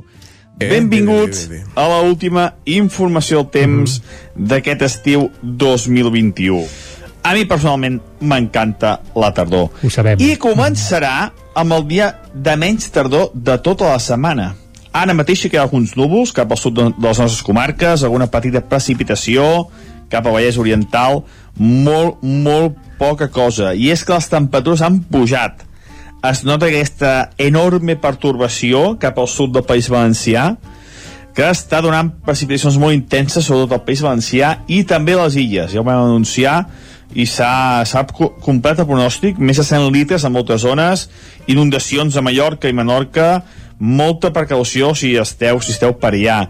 També cap al sud de Catalunya, cap a les Terres de l'Ebre, hi han precipitacions importants, precipitacions força importants aquests dies. Per les comarques ens arriba de rasquillada, que es diu, i ha fet aquests vents de sud, aquestes perturbacions en- ens, ens aporta vents marítims i ha fet que la temperatura avui pugés la mínima. Supera els 10 graus a moltes, moltes zones. Tot això després d'un dia d'ahir bastant fred, amb molts núvols i amb temperatures que no van passar gairebé dels 20 graus a cap població. Avui, com deia, serà el dia de menys tardor de tota la setmana. Tindrem bastanta tranquil·litat, pocs núvols, molt de sol i les temperatures pujaran. Superaran els 24-25 graus fins i tot en alguna població. Serà un dia bastant tranquil, amb alguns núvols a la tarda, però gairebé cap precipitació. Només aquest matí, quatre gotes molt puntuals al sud de Vallès Oriental. Això és tot. Dia molt tranquil, dia de finals d'estiu i d'inici de tardor. Fins demà, que vagi bé. Adeu. Adéu, adéu, adéu, fins demà. Vagi bé, Pep. Casa Tarradellas us ha ofert aquest espai. Territori 17. Envia'ns les teves notes de veu per WhatsApp al 646 079 023. 646 079 023. WhatsApp Territori 17.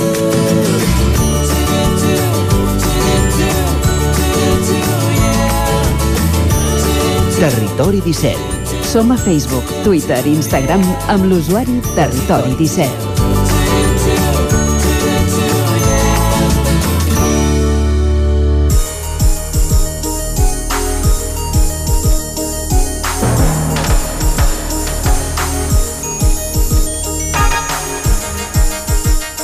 Un quart i mig minut d'onze del matí, l'erupció volcànica de la Palma a les Canàries s'afegeix a una llista prou recent de dues altres explosions que hi ha hagut a l'illa. Una va ser el volcà San Juan el 1949, el 1949 i l'altra el Teneguí el 1971.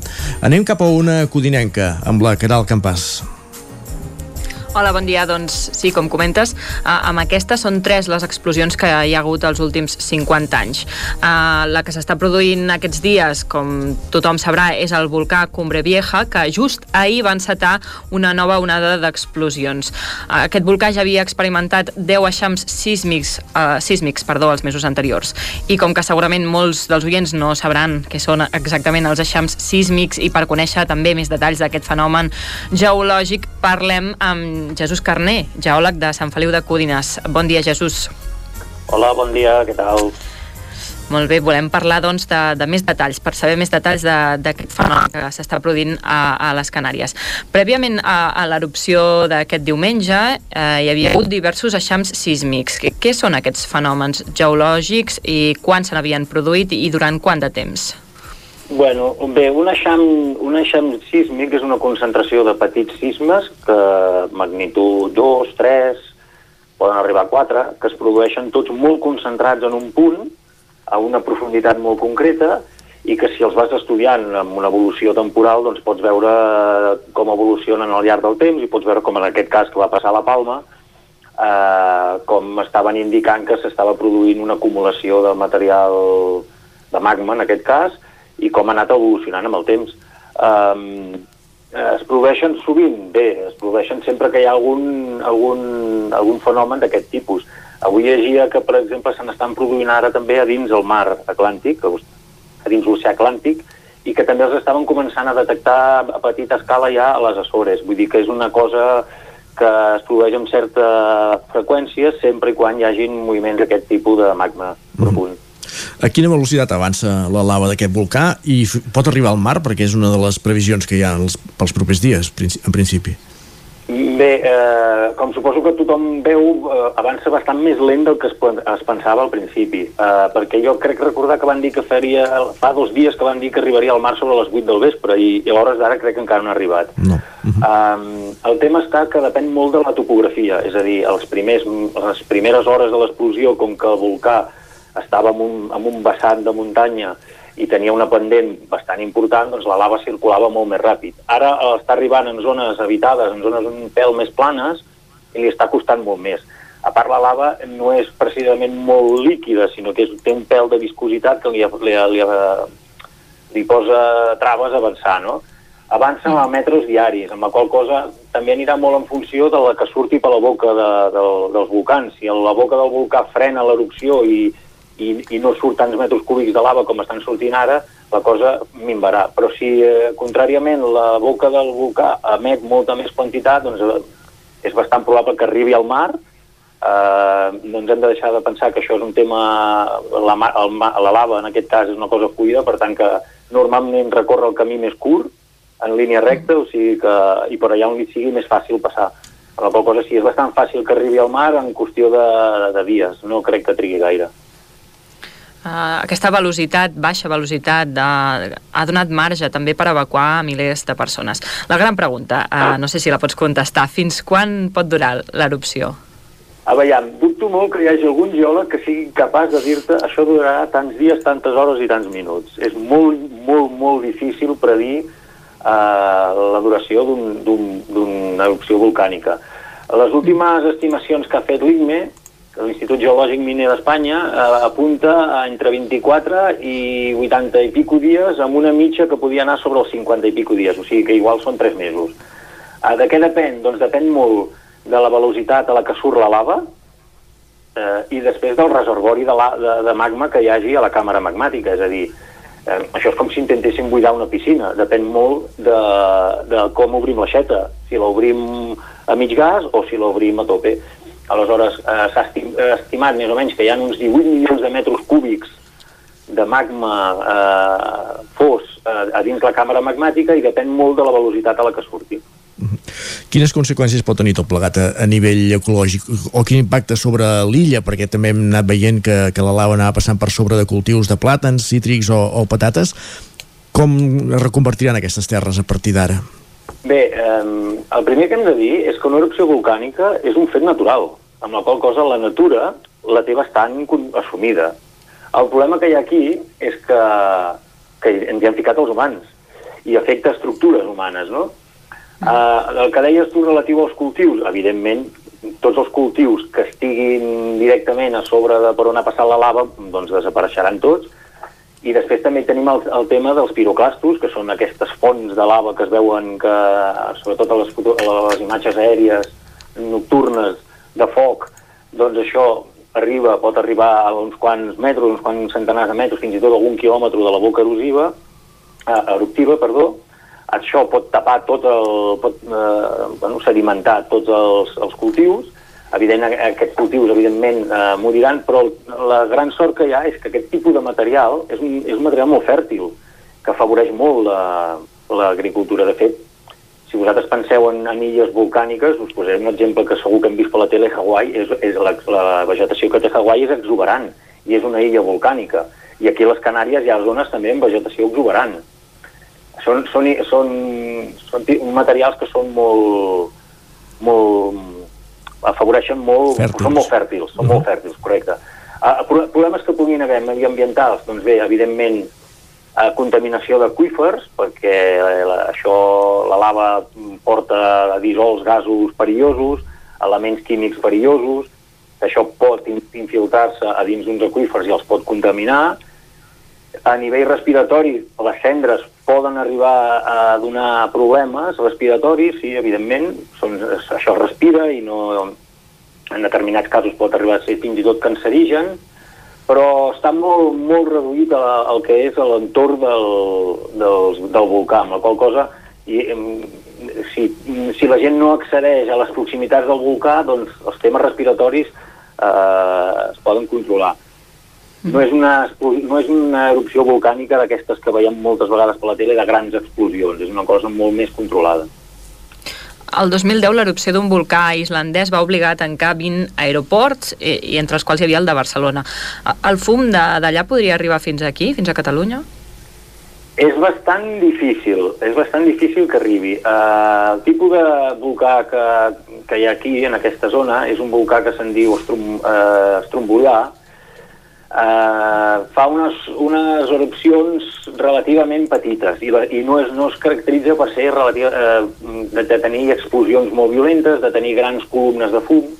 Pot arribar, pot arribar però amb concentracions molt, molt, molt petites i, i, i igual n'hi arriba. I, I a més a més també s'ha de tenir en compte que depèn molt de la, de, de la direcció del vent. Si el vent bufa cap a l'oest, doncs no arribarà. Vull dir que, que jo no estaria gaire, gaire preocupat perquè el, les cendres arribessin fins aquí. Uh, quan parlem de volcans, ho hem dit al- a l'inici de l'entrevista, aquest, en aquest cas el de les Canàries, el de la Palma, va l'última erupció és de fa 50 anys, Uh, tots ens ve al cap la zona volcànica de la Garrotxa, aquí evidentment les erupcions són de milers d'anys enrere. Uh, això és impensable que pugui passar en zones com aquesta, oi? És impensable que pugui passar... No hi ha cap indicador actual que indiqui que, que la zona aquesta estigui, tingui un augment d'activitat, eh, ni sísmica ni volcànica. Um, els volcans d'aquí la Garrotxa, crec que l'última erupció que va haver va ser fa 17.000 anys, amb la qual cosa mm, està totalment, totalment de, descartat de moment. Uh, també és veritat que tenint els precedents que tenim aquí a les Canàries, si es detectés un augment d'activitat sísmica, doncs evidentment tenim un background a darrere que ens serviria per, per, per, per posar-nos alerta, no? Però jo, a, a priori, aquí a la Garrotxa el descartaria, el descartaria totalment. Mhm. A- A Palma, a diferència, per tant, de Catalunya, s'inverteix diners en monitoratge i detecció de terratrèmols, no?, per predir erupcions. Sí, home, és que clar, hem de tenir en compte que, que són volcans actius. És a dir, aquest volcà que, com vosaltres molt bé dèieu, l'any 71, jo he vist, jo que ja tinc una certa edat, he vist imatges en color de l'última erupció d'aquest volcà, de l'any 71. És, una, és, un, és un volcà que està actiu. El Teide és un volcà que està actiu.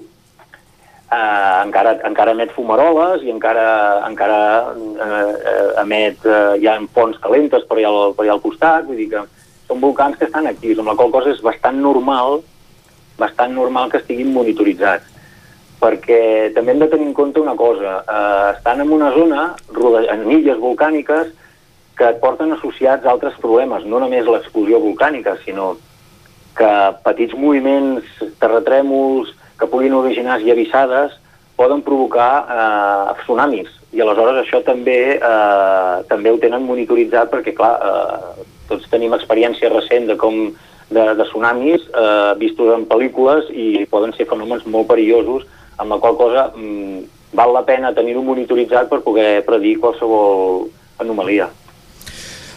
Perfecte, moltíssimes gràcies per atendre'ns. Jesús Carné, geòleg de, de Sant Feliu de Codines, amb qui hem pogut aprofundir en aquest fenomen que ens té a tots atents a la pantalla des del passat diumenge a la tarda que va començar l'erupció d'aquest volcà de, de la Palma a les Illes Canàries. Moltes gràcies per posar-nos una mica de, de llum amb, amb tot aquest, en aquest món.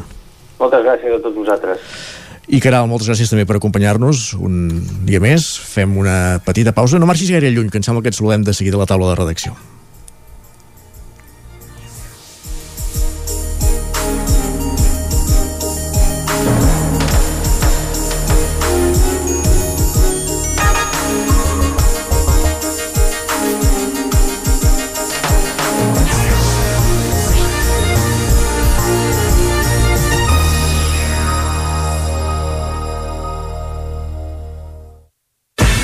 El nou FM, la ràdio de casa, al 92.8.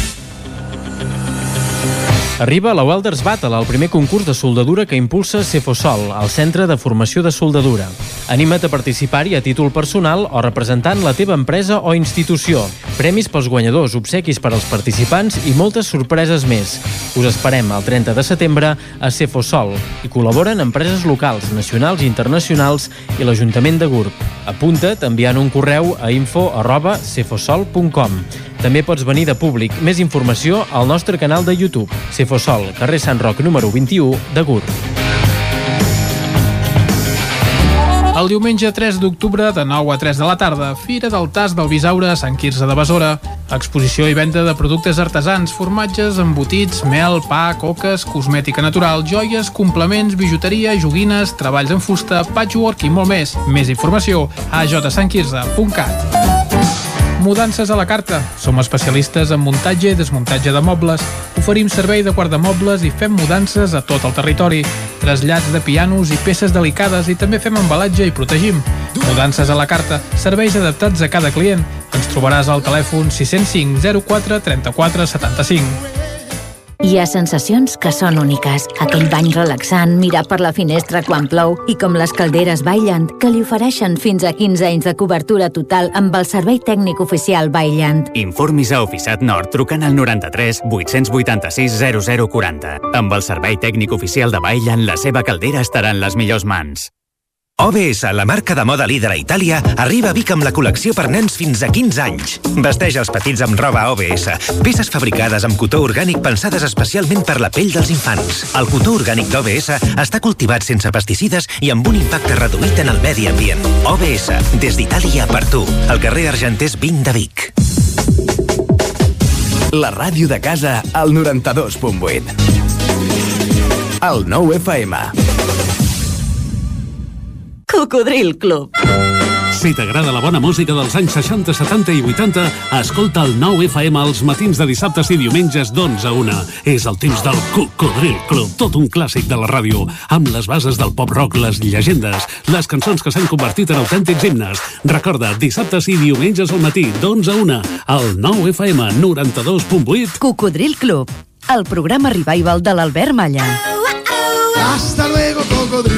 Anuncia't al 9FM. La ràdio de casa. 9 3 8 8 9 4 9 4 9. Publicitat arroba al 9FM.cat. Anuncia't al 9FM. La publicitat més eficaç. El 9 FM. El 9 FM. El 9 FM. El 9 FM. Territori 17.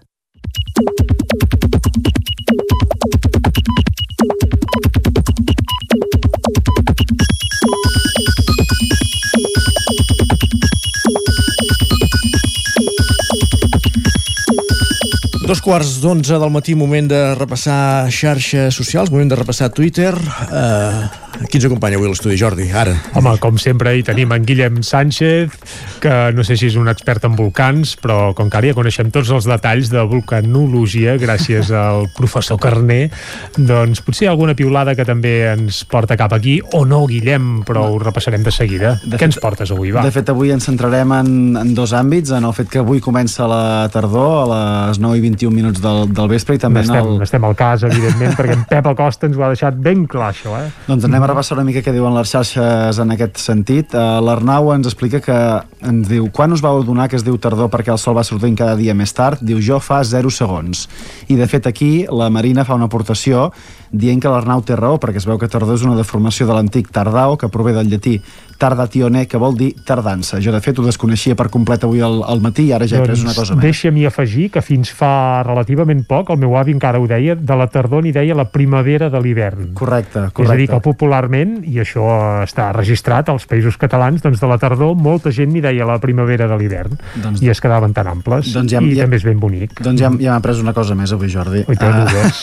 en Josep, també en l'àmbit de la meteorologia i climatologia, ens diu la tardor s'atansa i el bestiar ja deixa les pastures en qüestió de dies per aquí dalt, només hi quedaré jo. I ens adjunta un vídeo on es poden veure aquests últims ramats de vaques pasturant per alta muntanya, que de fet ja estan a punt de, de baixar cap a, cap a les planes.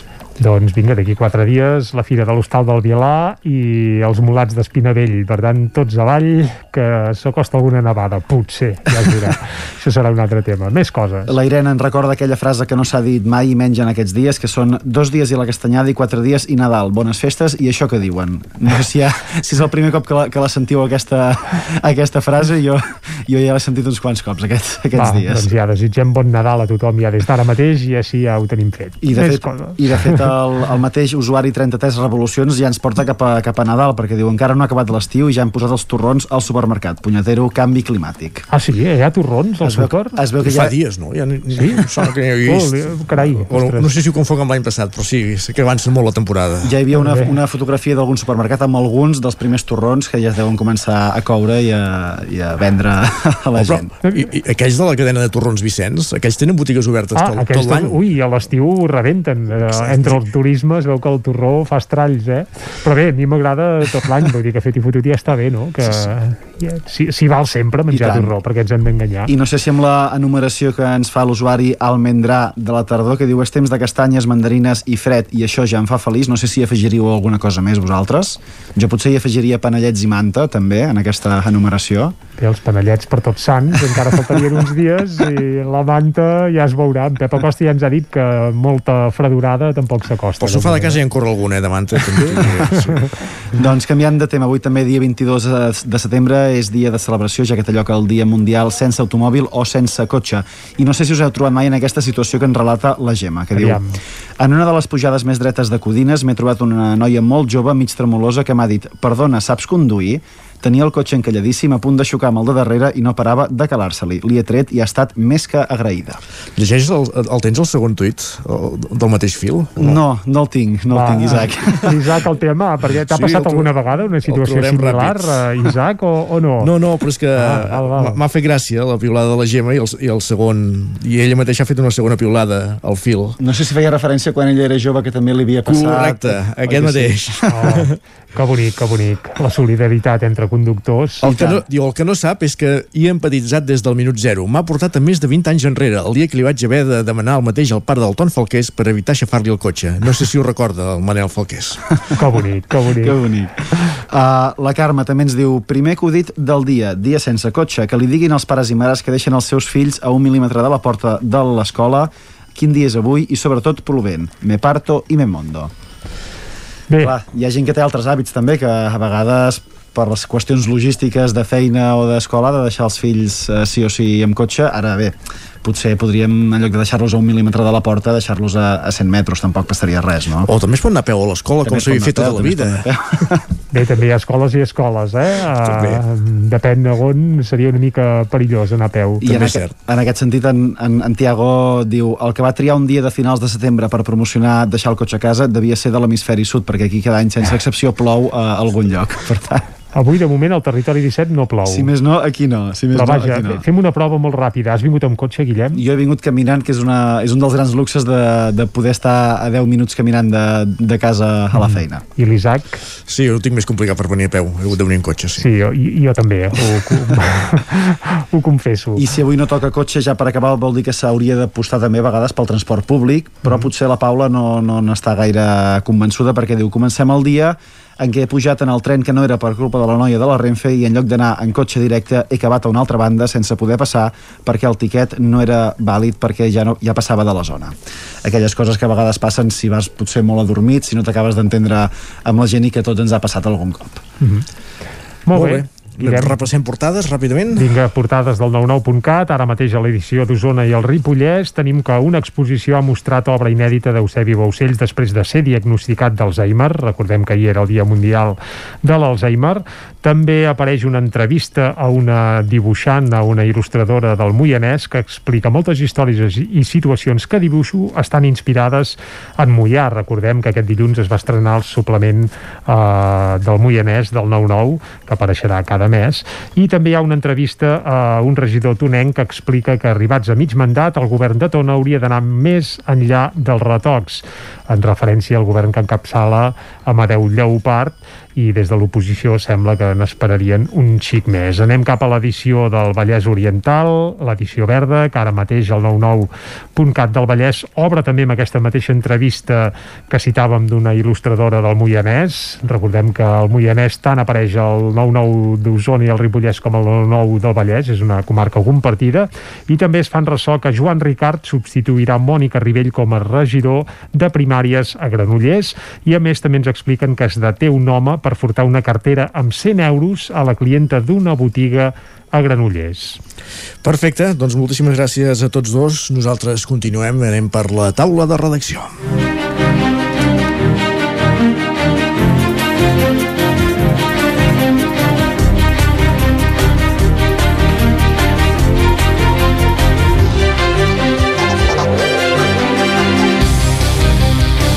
Una taula de redacció avui en companyia de Caral Campàs i Guillem Freixa. Amb la Caral Campàs parlarem d'un vessament de fuel als or, a les hortes de, de Caldes i amb Guillem Freixa del que comentàvem fa una estona també les notícies de, de la reducció d'incivisme al Parc Natural de Guilleria Sabassona.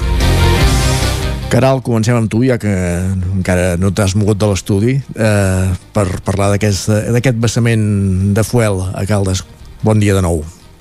Bon dia de nou. Doncs, doncs sí, mireu, us, us comento una mica. N'hem parlat, en algun, sí. hmm, n'hem parlat en algun butlletí informatiu, però la qüestió és que a la bassa i les canalitzacions d'aigua que reguen doncs, les hortes de baix, que estan situades molt a prop de, de la riera de Caldes, van patir un vessament eh, de fuel procedent d'un antic dipòsit soterrat del qual en aquell moment se'n desconeixia l'existència. Us comento, eh, el vessament eh, que, els, que els hortolans van detectar dimecres a la tarda eh, es va poder controlar l'endemà mateix, eh, quan ja van, doncs, es van iniciar les tasques de neteja i extracció que va fer una empresa especialitzada. Um, la durada dels treballs, en principi, eh, hauria d'haver acabat ja. De fet, l'empresa especialitzada ja se n'ha anat perquè ja, ja ha tret tot el foc que hi havia. Però encara queden alguns arranjaments que, en principi, han de durar fins aquest divendres. Això és el que ha confirmat l'Ajuntament de Caldes. Um, Paral·lelament a tot això, l'Agència Catalana de l'Aigua també comentar-vos comentar que va aixecar acte dels fets i també va instar l'establiment hoteler que ara us, ara us comentaré per què, a, a aturar doncs, a, i restaurar el medi en les condicions prèvies als fets.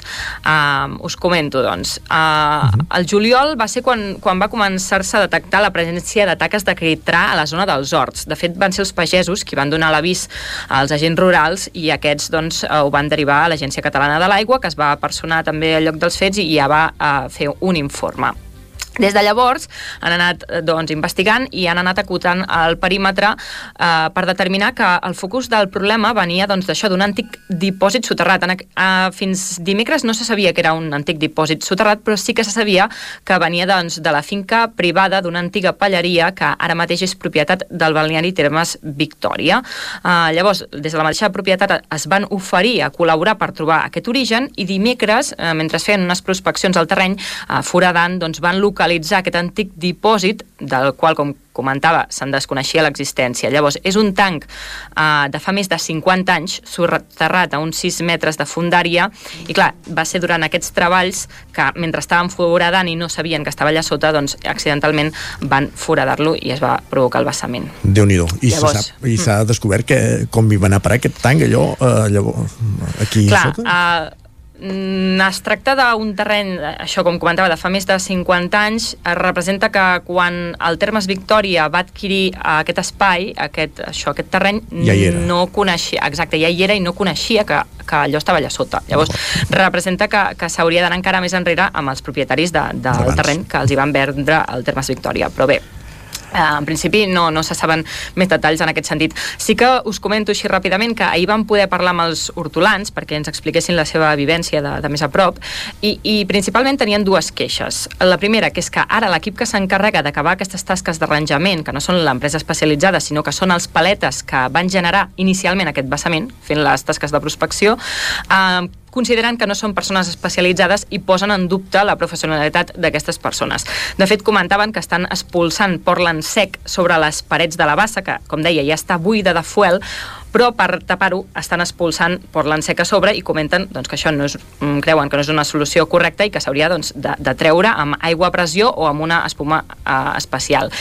I també, eh, bé, comenten que, que precisament hi ha, hi ha un punt conflictiu encara eh, del vessament, que és on hi ha el filtre que, que dona pas a l'aigua que rega, doncs, que arriba a la bassa i rega tots els horts, que és que allà encara hi ha una petita concentració de fuel que, que no s'ha tret. I també comentar-vos que pel que fa a les les plantacions a curt termini no estan preocupats, però a llarg termini sí. Clar, aquests dies està plovent i, i ja tenen algun recurs de persones que els hi poden cedir doncs, alguns dipòsits d'aigua que estan a prop eh, que els podrien cedir l'aigua, però clar, a llarg termini sí que estan preocupats perquè si a principis d'octubre no està tot restaurat, doncs no podran plantar eh, i per tant el, els conreus que, que han d'anar d'octubre a abril no, no els podran fer i quedarà tot aturat. D'acord. Doncs déu nhi tenim feina per dies. Tenim feina per dies, anirem explicant. Gràcies, Caral. Uh, a vosaltres. Parlem ara, com dèiem, amb Guillem Freixa d'aquesta reducció de l'incivisme a l'entorn de, del parc de Guilleries Sabassona, en part motivat aquest control d'accés a, vehicles. És això, oi, Guillem? Sí, hola, bon dia. Isaac, eh, el tema de, de la massificació de l'espai natural eh, ja fa mesos, eh, podríem dir fins i tot l'últim any i mig n'ha anat parlant molt, eh, una tendència a l'alça de fer aquest turisme de proximitat que amb la pandèmia, amb el primer confinament i després l'obertura gradual de, del que es podia fer, es podia anar o no es podia anar, doncs encara eh, es va, va, créixer, va créixer molt més en diversos espais eh, naturals de la comarca d'Osona. Això es va traduir, com dèiem, això amb molta afluència de gent, amb espais eh, saturats i amb actes incívics. Ens explicaven eh, des d'alcaldes fins a pagesos de, de la zona, cotxes mal aparcats, eh, actituds eh, no correctes en un entorn eh, natural, fogueres en períodes de l'any en què no es pot... Eh, Re, res, res que no veiéssim el 30 minuts de, de fa 15 dies. No? Exacte. Una mica en Uh, aquesta línia. Sí, sí, um, això, uh, actes incívics a, a l'entorn natural i aquest estiu ja en previsió que es podien tornar a trobar amb una situació de massificació com va passar l'estiu anterior, doncs es va decidir prendre mesures en alguns punts i un d'ells va ser aquest espai natural de Guilleries Sabassona, en concret l'entorn del pantà de Sau, sobretot la zona que dona accés cap a, a la zona de Lleure, podríem dir la zona on hi ha l'embarcador, on eh, hi ha també una zona per fer eh, pícnic, aparcament, des d'on es poden fer diverses eh, activitats d'oci, doncs va decidir fer, aplicar un control d'accés en aquest punt i la valoració tant de les xifres de l'òrgan gestor d'aquest espai natural, que és la Diputació de Barcelona, com també de la gent del territori i l'Ajuntament de Vilanova de Sau, doncs la valoració és positiva. Uh, primer de tot, uh, xifres per demostrar la massificació que hi havia i com s'ha controlat, si més no, aquesta afluència de, de gent. El 2019, per tant, previ a la pandèmia, en situació de, de normalitat en, en la societat, uh, van passar per aquesta zona de Sau unes 13.000 persones. Aquest estiu, amb el control d'accés ja actiu, la xifra ha sigut similar, unes 13.300 persones, però és que és bastant bèstia la xifra del 2020. Per tant, això que dèiem, eh, després d'aquesta obertura eh, post-confinament, en què s'estima que hi van passar 24.000 persones. Per tant, mm, quasi bé el doble de gent del que havia anat entomant en anys anteriors. Ja veiem que la cosa no pot anar... Em puc donar fe, perquè un dia per accident hi vaig anar a parar. doncs... I, I, bueno, ja et dic que no vaig aconseguir aparcar, però és que per girar també...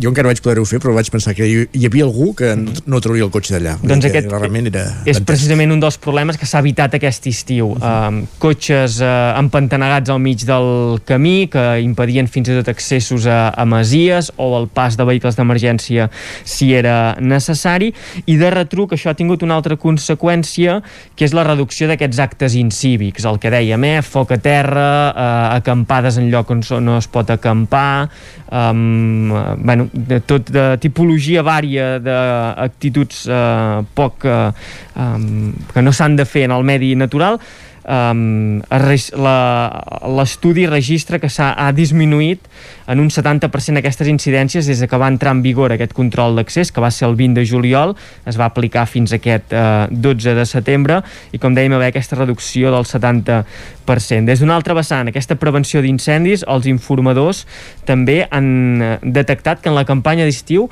es van detectar 44 activitats no permeses a la comarca d'Osona per al risc de provocar un incendi forestal. La gran majoria van ser en aquest entorn del pantà i també han detectat que un cop es va aplicar aquest control d'accés, eh, aquestes eh, activitats no permeses doncs van també caure en, en picat i pràcticament van desaparèixer. Ara què caldrà fer, tenint en compte que la valoració és bona? Doncs reunir-se totes les eh, parts, fer una valoració més profunda i acabar determinant quan s'ha d'aplicar aquest control d'accés, que és una, una barrera eh, abans de la presa de sau, per tant per passar cap a l'altre cantó, determinar exactament quan s'haurà d'aplicar, perquè sí que han detectat que al llarg de l'estiu hi ha hagut eh, 16 dies dels 56 que ha estat activa eh, aquest eh, control, en què hi ha hagut una màxima ocupació, però també és veritat que els últims dies d'agost, per exemple, ja no, eh, ja no hi havia tanta gent i l'ocupació eh, es podia passar, es podia eh, fer activitat amb, amb normalitat en aquesta zona. Per tant, caldrà valorar exactament quan és que cal aplicar aquest control d'accés per fer-ho més eficient, un control d'accés que per passar eh, s'havia de pagar, s'havia de fer un, un aquí, pagament. Aquí hi ha la mare dels ous, de fet, no? Sí, um, 5 euros per vehicle, 2 euros si t'hi desplaçaves amb, amb, amb motocicleta, amb, amb moto, i l'objectiu d'aquest uh, pagament, més enllà de ser un uh, petit efecte dissuasori per, per anar fins allà, que la gent que anés allà sabia que havia de pagar un import, doncs també l'intenció de revertir en el pagament dels informadors, del desplegament que s'ha fet per posar en marxa aquest control d'accés, per tant, revertir en el benefici d'aquest espai natural de Guilleries eh, Sabassona. Uh, un espai que s'ha pogut controlar bé aquest estiu, però segur que en les properes setmanes tornarem a parlar d'aquest accés al medi natural, perquè arriba la tardor, arriba uh, l'època sí, castanyes a buscar bolets, a fer passejades a, a, al bosc, per aquí a la comarca d'Osona tenim diversos llocs. I pel territori 17 també. Exacte. Doncs segur que en tornem a parlar, eh, de llocs que encara no s'ha acabat de resoldre aquest encaix entre l'oci, entre el turisme i també la gent que hi fa vida en el seu dia a dia, com és sobretot les explotacions agrícoles o, o ramaderes. Molt bé, Guillem. Doncs moltíssimes gràcies per aquesta informació, també. Adeu. Adeu. I ara sí, acabem la taula de redacció. Anem de seguida al Lletra Ferits, que ja ens esperen.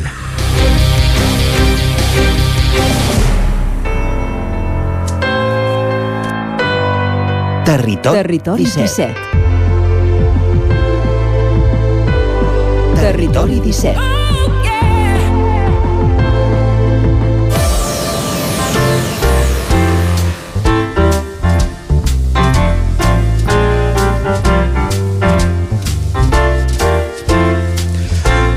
Tornem una temporada més al Lletra Ferits des de la veu de Sant Joan i avui tenim amb nosaltres un home de 59 anys, molt conegut per Ripoll perquè ha treballat i ha fet un munt de coses sempre de cara al públic. En una botiga de vins, de cambrer a la Vall de Núria, de monitor de tennis durant molts anys a Ripoll i els, estudi i els estius a Planoles i des de fa 3 anys és agent cívic a Ripoll. Estem parlant d'en Jordi Raulit i el seu vessant polifacètic. L'ha portat a escriure contes i relats collita del 62, que és el seu primer llibre de contes breus. Ja el tenim eh, nosaltres a l'estudi de la veu de Sant Joan perquè ens expliqui com se li ha acudit escriure aquest llibre i està acompanyat, com no, de, de l'Isaac Muntades. Bon dia a tots dos.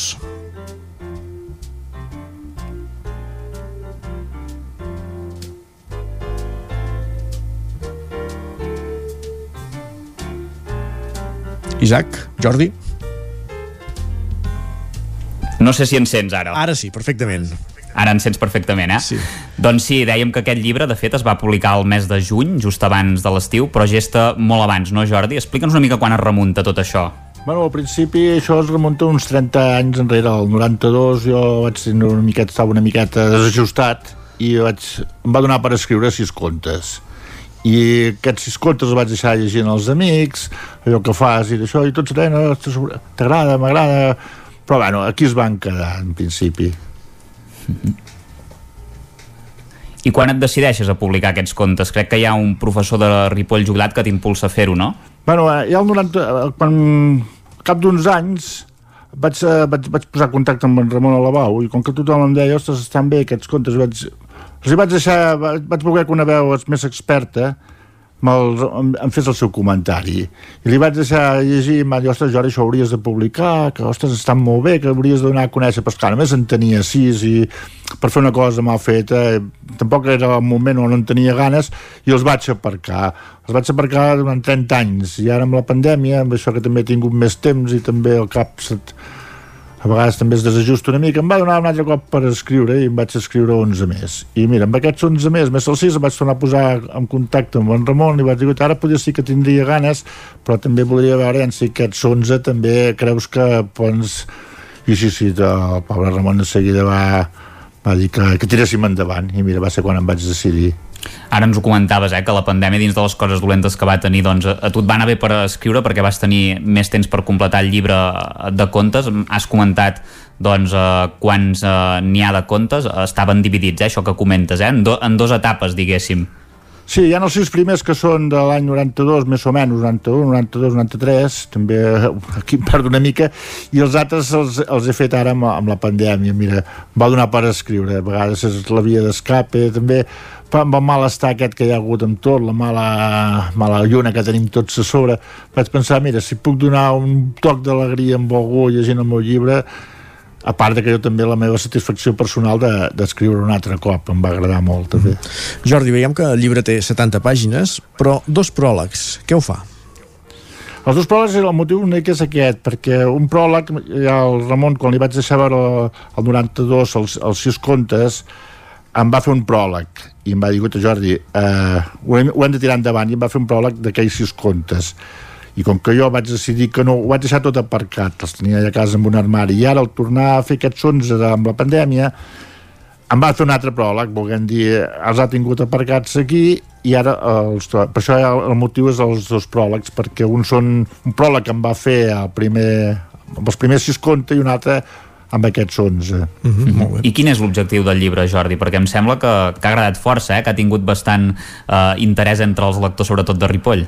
D'interès, primer, ni escritor ni res, no. d'interès no en tenia cap, només era donar a conèixer una mica eh, el meu entorn. Jo em pensava que ens mouria una miqueta només pel meu entorn. Jo quatre amics, quatre familiars i equipar-ho.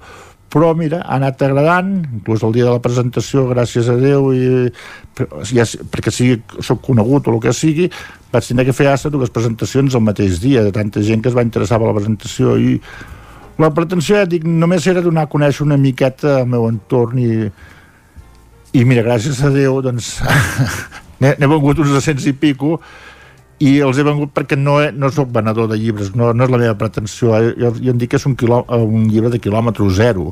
Jo tots els llibres que he fet els he portat, si convé, a casa seva, els he dedicat personalment i no, vull dir, no, no era la meva pretensió voler guanyar-me la vida escrivint un llibre, més que res donar-los a conèixer als quatre amics, quatre coneguts i gràcies a allò doncs, ha tingut més difusió de la que em pensava.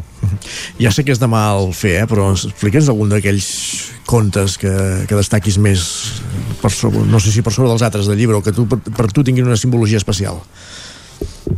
Mira, si t'he dit la veritat, tot, això és com, com els fills. Jo crec que no pots pas dir aquest és el més maco ni aquest és el, el que m'agrada més. Uh -huh. uh, poder el primer conte, que per, uh, per això també la portada ja uh, va una mica sobre el primer conte, poder, sempre és el que diem, el, el que, el que t'ha fet primer és el que t'agrada més, també, poder, eh? -huh. I n'hi ha algun altre que també destaquis entre aquests? A mi m'agrada molt aquest... El... Bueno, és que n'hi ha uns quants que a mi m'agraden. És... No podria pas dir un i l'altre deixar de banda. No, m'agraden tots, de veritat. Però n'hi ha algun que li tens més carinyo. Alguns poder toquen temes que són més personals. Alguns poder també si em coneixeu, dieu, ostres, aquí hi ha en Jordi, d'altres, doncs no, no hi ha en Jordi, és, és, estic parlant d'una cosa que totalment d'allò. Però això va més que ho descobreixi, que ho llegeixi, i, i si em coneix, digui, ostres, aquí t'he vist, aquí no t'he vist, és, però ja dic, tots, tots són fills meus, diguéssim. Uh, uh, de totes maneres, perquè els oients puguin copsar una mica més l'essència del llibre, no sé si ens en podries llegir el, el fragment d'algun d'aquests capítols, que són capítols curts, eh? Sí, són capítols, res, si el llibre es llegeix en una hora, una hora i mitja, com a molt. El que passa que després jo sempre recomano que un cop te l'has llegit, després un altre dia te l'agafis amb calma i te'l llegeixis molt a poc a poc i intentis buscar per què, qui diu això, per què ho diu així. Dic, jo si vols ara et llegeixo, el que passa que no sóc gaire bon lector, també us ho, us ho he de dir us puc llegir, si vols, un, fragment d'un que es titula Les cançons de les balances, Endavant. que va sobre una... O sigui, l'idea la vaig treure d'una cançó de l'Ovidi Mutlló, i a partir d'aquí desenvolupo una miqueta el tema. Jo us llegiré un trosset perquè tampoc no us vull ni, ni explicar al final ni al principi. Endavant, Jordi. Diu, però anem al gra. En escoltar la cançó de l'Ovidi em va venir al cap una petita anècdota d'infantesa. Resulta que un bon dia, a la classe de tercer de GB, el mestre de torn, per tal de trencar l'avorriment de trencar l'avorriment que imparava a l'aula, ens va fer la pregunta del milió de dòlars. I tu, què vols ser de gran? No cal que us digui que les respostes foren d'allò més variat. Els pilotes van contestar evidentment que mestres. Els esportistes tots volien ser jugadors del Barça. Els empollons, o bé astronautes o bé advocats. L'enginyós tan sols volia fer-se gran. Una immensa majoria va contestar que policia, bomber, paleta com el papa, botiguer... Curiosament, en aquell temps, encara ningú aspirava a ser polític.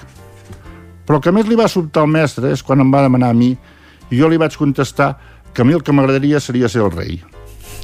El mestre i tota la classe es van fotre riures de mi de cop, però a mesura que els vaig anar explicant els avantatges del meu futur ofici, va anar canviant d'opinió. D'entrada, si fos rei no hauria de treballar. Mai. Tindria els cotxes i iots que volgués. Viuria en un palau i tindria unes quantes residències d'estiu. Presidiria un munt d'actes esportius sense haver de pagar entrada. Un cop a l'any em farien una desfilada militar. Disposaria de les amants més guapes que volgués. No pagaria en cap restaurant ni bar. Viatjaria amb un avió particular. Aniria cada hivern a esquiar. Viatjaria per tot el món de franc. El mestre em va dir que no calia més explicacions. Els havia convençut a tots. El problema és que ara ja no tenia l'exclusiva. Ja tots volien ser reis. Interessant, eh? És un bon oficial, de, el de ser rei. Home, en aquell temps... És autobiogràfic. Sí, el si hagués pogut, ara poder no, eh? però en aquell temps ho veia molt, ho veia molt divertit, eh? És autobiogràfic el, el conte, Jordi, o no? Aquest, eh, si vols dir, no ben bé com a rei, però aquesta pregunta ens la van fer i jo vaig contestar que volia ser el príncep d'Espanya en aquell temps. Ara la princesa. Que més o, que més o menys. més o menys. Que més o menys. I el llibre, eh, Jordi, també té una connexió usonenca, de fet, del territori 17, pel que fa a les il·lustracions, oi? Sí, perquè en aquest llibre o sigui, si només que els contes has gascat una mica, has gascat una mica curt i una amiga de la, del meu nebot eh, fa unes il·lustracions molt maques, és una noia d'Olors, per això les, dic que és una mica usonenc també, i voluntàriament i altruistament es va em va dir que si volíem podia fer una il·lustració de cada conte i jo li agraïm molt i, i també li ha donat un toc més juvenil en el llibre i més maco si el veieu algun dia veureu que realment per no dedicar-se al dibuix ho fa molt, molt i molt bé Mm -hmm. I també m'agradaria destacar que la contraportada hi ha una mica de ressenya de quan de, de, meva del meu gran amic Joan Reixac que també és una, una mica divertida de llegir-la mm -hmm. uh, encara el podem encara el podem comprar i on, vist l'èxit que ha tingut? On podem trobar aquest llibre, Jordi? Mira, ara, si t'he de la veritat, me'n queden una vintena. En una vintena, hi haurà, els tinc a casa. Hi haurà una segona edició no, per tant? No, és la tercera. Ah, Però són edicions de, de 100 i la, la tercera ha set de 40 llibres només. O sigui, n'he hagut uns 200, 250, no n'he vengut. Molt bé. I ara me'n queden uns 20 que és ben bé que jo, si algú em trob al carrer o algú està interessat, jo eh, si m'ho fa saber, doncs el mateix, li dedico, si el vol dedicat, si no el vol dedicat, li porto a casa seva o on vulgui, quedem al bar per fer una cervesa i ja ens trobem. Però ja dic, la meva intenció ja és quasi bé tancar caixa aquí, eh? vull dir, no, no vull pas més amb el llibre aquest ja eh, no sé, amb aquest llibre segur que no, Jordi uh, veient una mica el que ens has comentat sembla que, que tampoc, però la carrera de Jordi Raulit entenc que s'acaba aquí o, o comença? Hi ha un llibre, hi ha un conte, el número 10, que diu tres coses ja a la vida. Si, si tens oportunitat de llegir poder, poder veure si continuo o no. En principi no és la meva intenció, però és allò que diem, en aquesta vida no pots dir mai no equipar-ho segurament sí, no? Perquè és plantar un arbre, tenir un fill i, i llegir i escriure un llibre. un llibre, sí. Després un cop escrius un llibre, després com que veig que tothom està demanant una segona, però esclar, si t'ha de 30 anys a fer-ne un, no crec que 30 anys més amb 60 que en tinc arribi a, a temps, eh? Tot pot ser. Pot, tot pot ser, sí. Jordi, Isaac, uh, Isaac uh, no sé si volies afegir alguna cosa més? No, no, Perfecte. em sembla que en Jordi ens ho ha explicat molt bé. Dir-vos que les il·lustracions, que no sé si ho ha comentat el nom, és de l'Odet Estrella, D'acord. de, que, que n'ha fet 17. Molt bé. N'hi ha 17 al llarg de tot el llibre. Doncs un, un llibre que ens apuntem més, un, un més per, per comprar i devorar. Moltíssimes gràcies, Jordi Isaac, i fins aviat. Moltes gràcies a vosaltres. A vosaltres. I ara que passen un minut i mig del punt de les 11, el que fem és un nou repàs informatiu a la sintonia, com cada dia a aquesta hora del Territori 17. Territori 17, amb Isaac Moreno i Jordi Sunyer.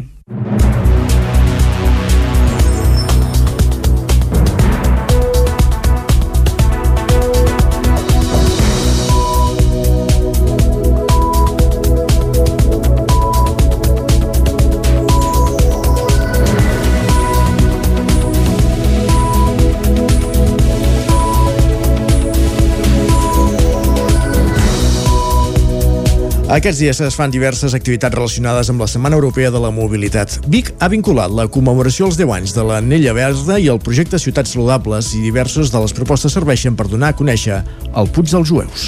El Cap del Remei de Vic era el punt de sortida diumenge al matí d'una caminada saludable que va portar els participants fins al Puig dels Jueus, seguint un dels trams de línia verda que s'han pintat a Vic i que condueixen cap a aquest pulmó verd de la ciutat. Els 5 quilòmetres de línia verda efímera i la caminada formaven part de les activitats programades a la ciutat en el marc de la Setmana Europea de la Mobilitat, que es fa fins aquest proper diumenge. A Vic hi coincideix amb el desè aniversari de l'Anella Verda i amb el projecte europeu Ciutats Saludables, que lidera la capital usonenca. Fabiana Palmero és la regidora d'Urbanisme i Mobilitat de l'Ajuntament de Vic. Aquestes línies han aconseguit el seu efecte, les hem fet amb una pintura ecològica que és més un guix que no passa una pintura, llavors estan eh, esborrant i aquesta era la voluntat, no? tenen un, trajecte efímer que marquen diferents punts de la ciutat, com podem arribar fins al Puig dels Jueus, perquè la gent el conegui i se'l senti propi i s'empoderi d'aquest espai i l'aprofiti per fer salut. Dissabte, aquest dissabte passat, al Puig dels Jueus s'hi van instal·lar una trentena de caixes niu i s'hi van alliberar dos xuriguers provinents del Centre de Recuperació de Fauna de Torreferrussa.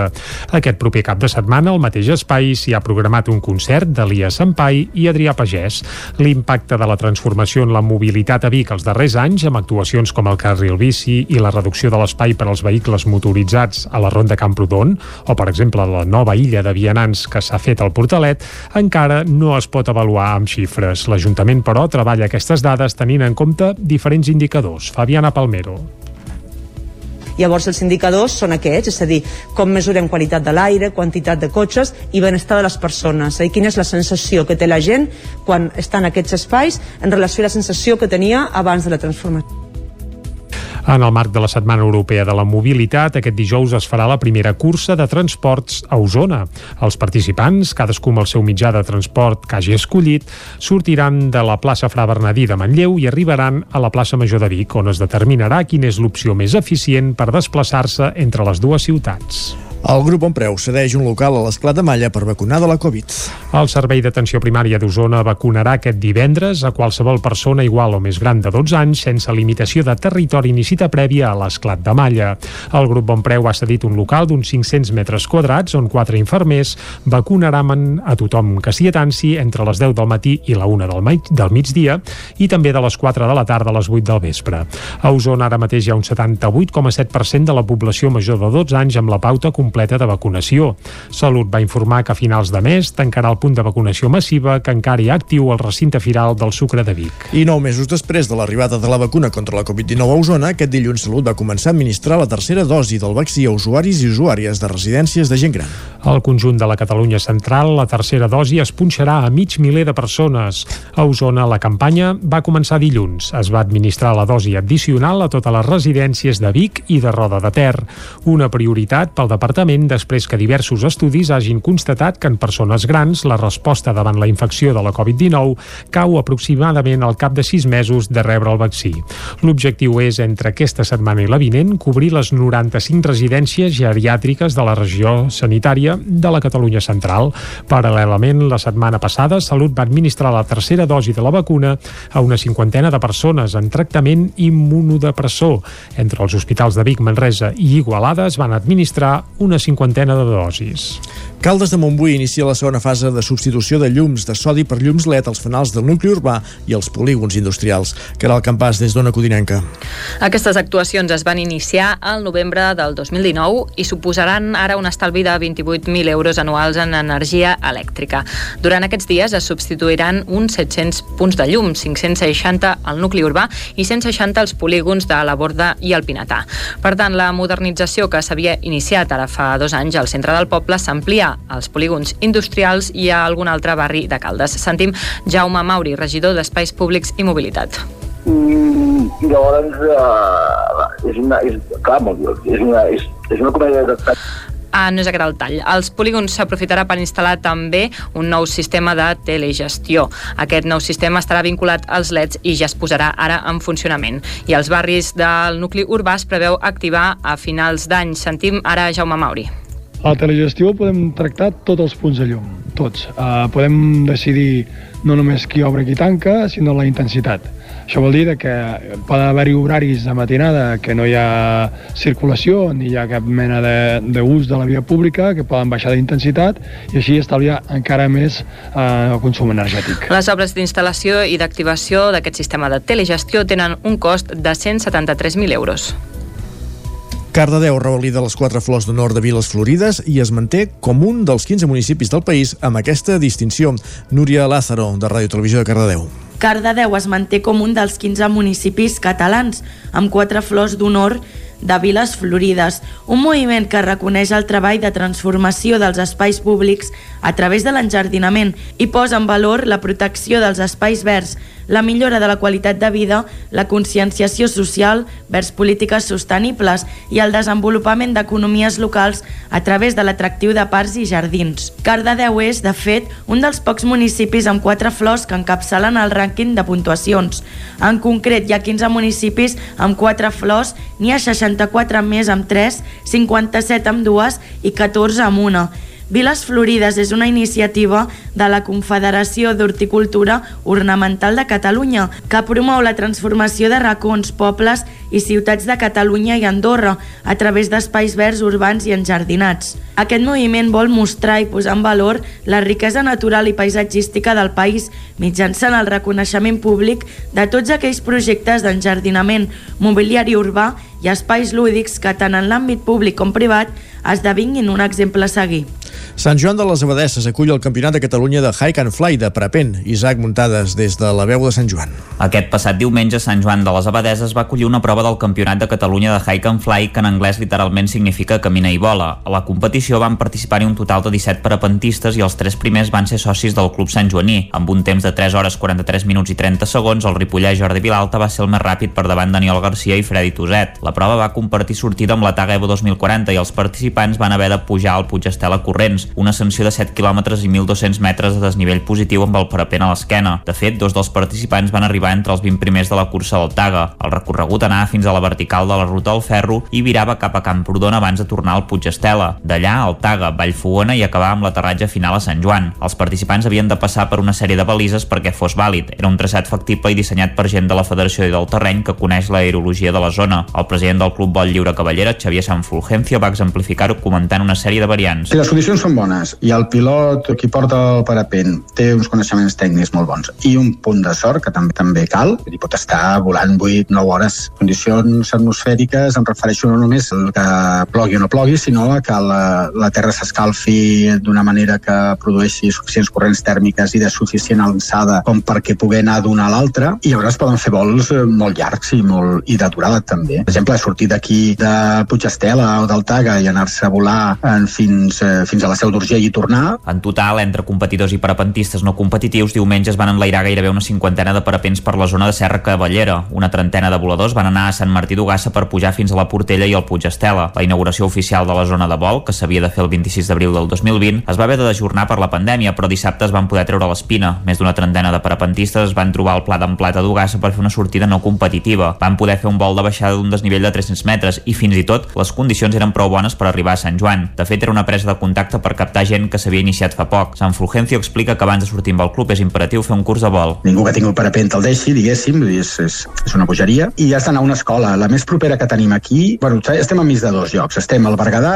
té escola de vol, i a, a Amer també. Llavors s'ha d'anar a una escola. No sabem el que passarà aquí en el futur. És una bona zona de vol, el Bies, i bueno, volem donar-la a conèixer a molta gent. Potser amb el temps algú s'engrescarà a, a fer algun negoci relacionat amb el parapent, ja sigui una escola, ja sigui alguna mena de, de vols biplaça. Però la manera d'accedir als enlairaments i l'orografia ho dificulta una mica. Però més endavant poden sortir coses. L'aprenentatge per començar a anar tu sol podríem parlar d'uns 20-25 dies efectius de pràctica. El cap de setmana en què Sant Joan de les va ser la capital catalana del Hike and Fly també es va fer una conferència al Palmàs de Carles Torres i Jordi Ferrer que van explicar la preparació i l'experiència en primera persona de la cursa Xpir que travessava els Pirineus d'oest a est volant i caminant.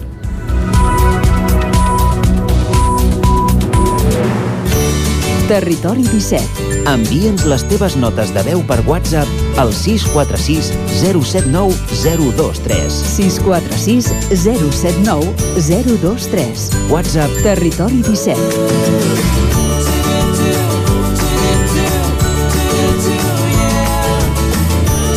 Territori 17. Som a Facebook, Twitter i Instagram amb l'usuari Territori 17.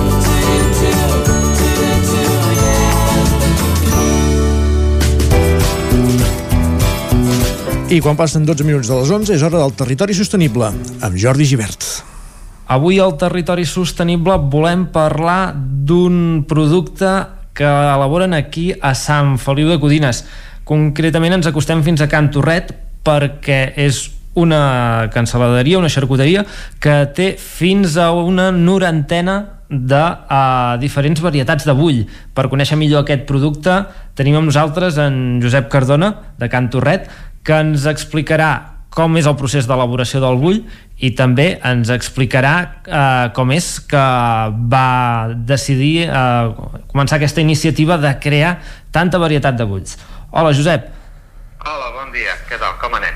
Bé, ah. jo, soc, eh, jo soc el creador d'una mica dels embotits. Vull dir, eh, vaig eh, començar i vaig dir, bueno, vull arribar a 50 embotits, vale? aquest repte ja l'he passat, ara vaig a 92 per ser més exactes, i bueno, és un llarg camí que amb el temps la gent els ha anat provant, els hi ha anat agradant i bueno, eh, és el meu repte pues, que a la gent els hi agradi. Doncs uh, Déu-n'hi-do per uh, proposar-te fer-ne fer 50 uh, arribar ja als 90 i, i escaig uh, Déu-n'hi-do, t'has passat de frenada eh? Sí, bueno uh, ara em diuen que estic una mica sonat però bueno, a partir d'aquí hi ha unes cartes que aniran revelant en mica en mica vale? uh, i ara pues, us explico si cas una mica el que és el procés d'un embotit no? Sí. Vull dir, uh, això jo suposo que tothom pot estar interessat Uh -huh. vale? uh, les bases són molt senzilles vull dir, hem de saber fer unes bases bones això és la primera base uh, producte de qualitat vale? no hem de discutir mai els preus vull dir, el producte ha de ser bo vale? Mhm. i si és bo, vull dir, s'ha de posar bona qualitat vull dir, això és uh, impensable bueno, primer de tot agafarem o trinxerem eh, posem el cas, les bases seria d'una botifarra cuita o podem agafar de la botifarra negra o podem agafar de la botifarra del Perol o podem agafar o de la catalana o podem agafar d'aquí eh, d'aquestes bases vale? i a partir d'aquí eh, hem d'anar agafant i anar donant les voltes a les coses vale? Uh, primer de tot, doncs comencem pues, amb un bull blanc fi, que és el més senzill de, de tots, vale? Vull dir que farem, agafarem el bull, el netejarem, el, des, el desalarem, el netejarem de dintre, ben net, ben desalat, vale? uh, trinxarem la, la carn, la agafarem magra uh, i papada de, de, de tocino, vale? Sí. agafarem i ho posarem sal i pebre i ho barrejarem, vale? Uh -huh. Això ja tenim una base, vale? Hòstia, amb el bull blanc fem el menjo així tal qual? No, per què no podem agafar i fer un biquini d'aquest bull blanc?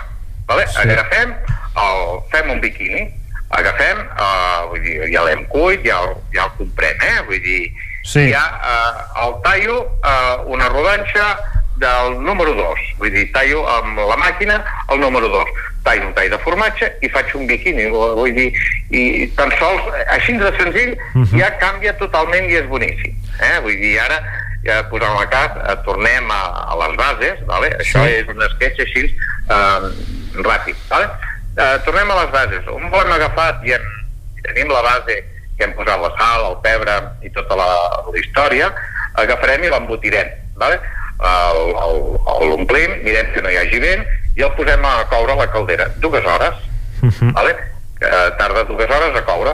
El traiem de la caldera, el deixem refredar, el posem a la càmera i al cap de 12 hores doncs, ja es pot tallar. Dir, ha d'estar la nit eh, per anar bé a la càmera perquè es pugui tallar i després s'aguanti, perquè si el tallem amb calent no va bé, ho entens? Després Mhm. es fa malbé. Vale?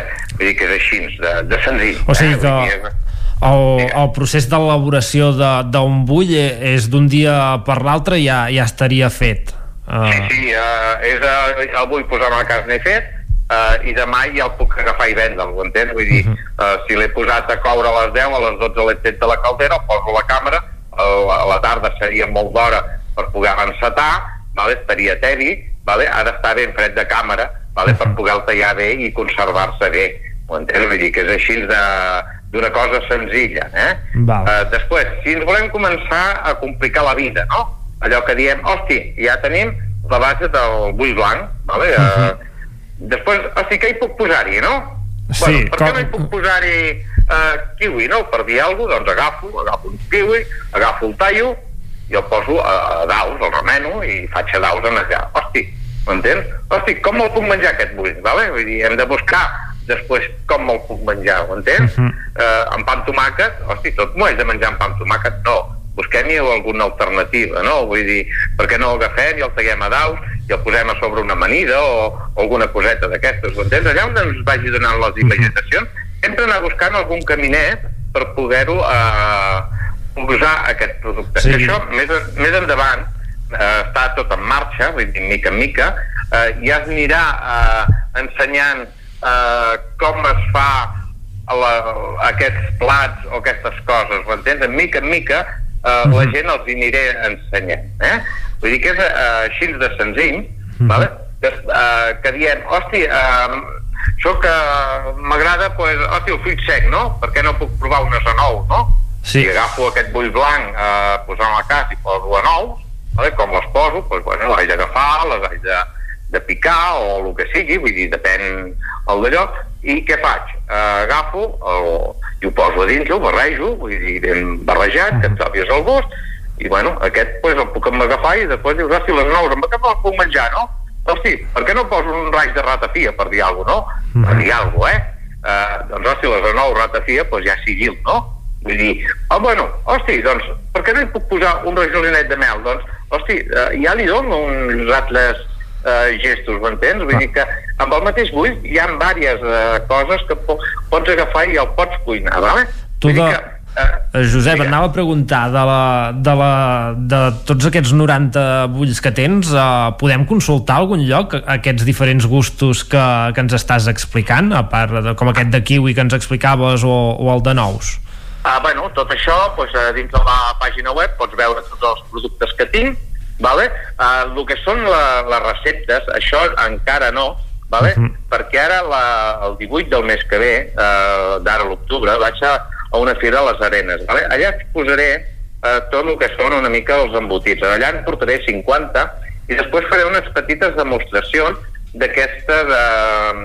Del maridatge, diguem D'aquest marinatge, ho entens? Allà faré una explicació, que serà el dissabte a la tarda, m'han de concretar l'hora, però vull dir, després aquí, a partir d'aquí, és quan engegaré totes aquestes petites històries que eh, haig de demanar permís a l'Ajuntament o el que sigui, per veure si puc agafar cada 15 dies, haig de mirar els dies, més o menys, o el que sigui, que a mi em vagi bé, uh -huh. vale? per poder agafar i ensenyar des d'una base, vale? Uh, com es prepara, per dir alguna cosa, i després anar donant unes receptes vale? uh, que la gent els pugui anar cuinant d'una manera o d'una altra, ho entens? Perquè són coses que jo vull fer molt senzilles i que tothom a casa seva ho pugui fer, vale?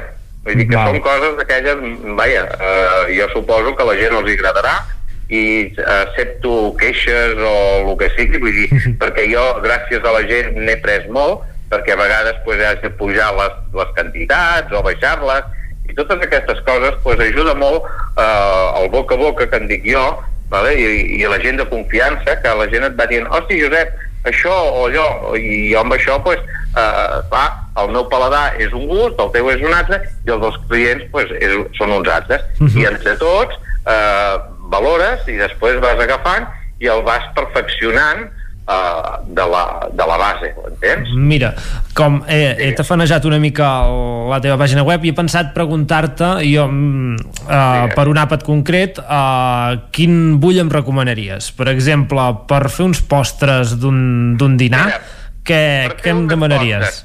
Què em Per fer recomanaries? unes postres ja t'agafaria eh, per Sant Josep, aquesta, Mhm. o si no l'has d'encarregar, vale? és el de crema catalana. Vale? El Un bull de crema catalana. Sí, el de crema catalana agafem, el taiem a, a la, al número 4, vale? eh, que és uh, aproximadament mig centímetre uh, Mhm. aproximadament, vale? de, perquè la gent ho entengui. Després agafem, li traiem la pell del bol, vale? agafem i posem sucre i després agafem i el cremem.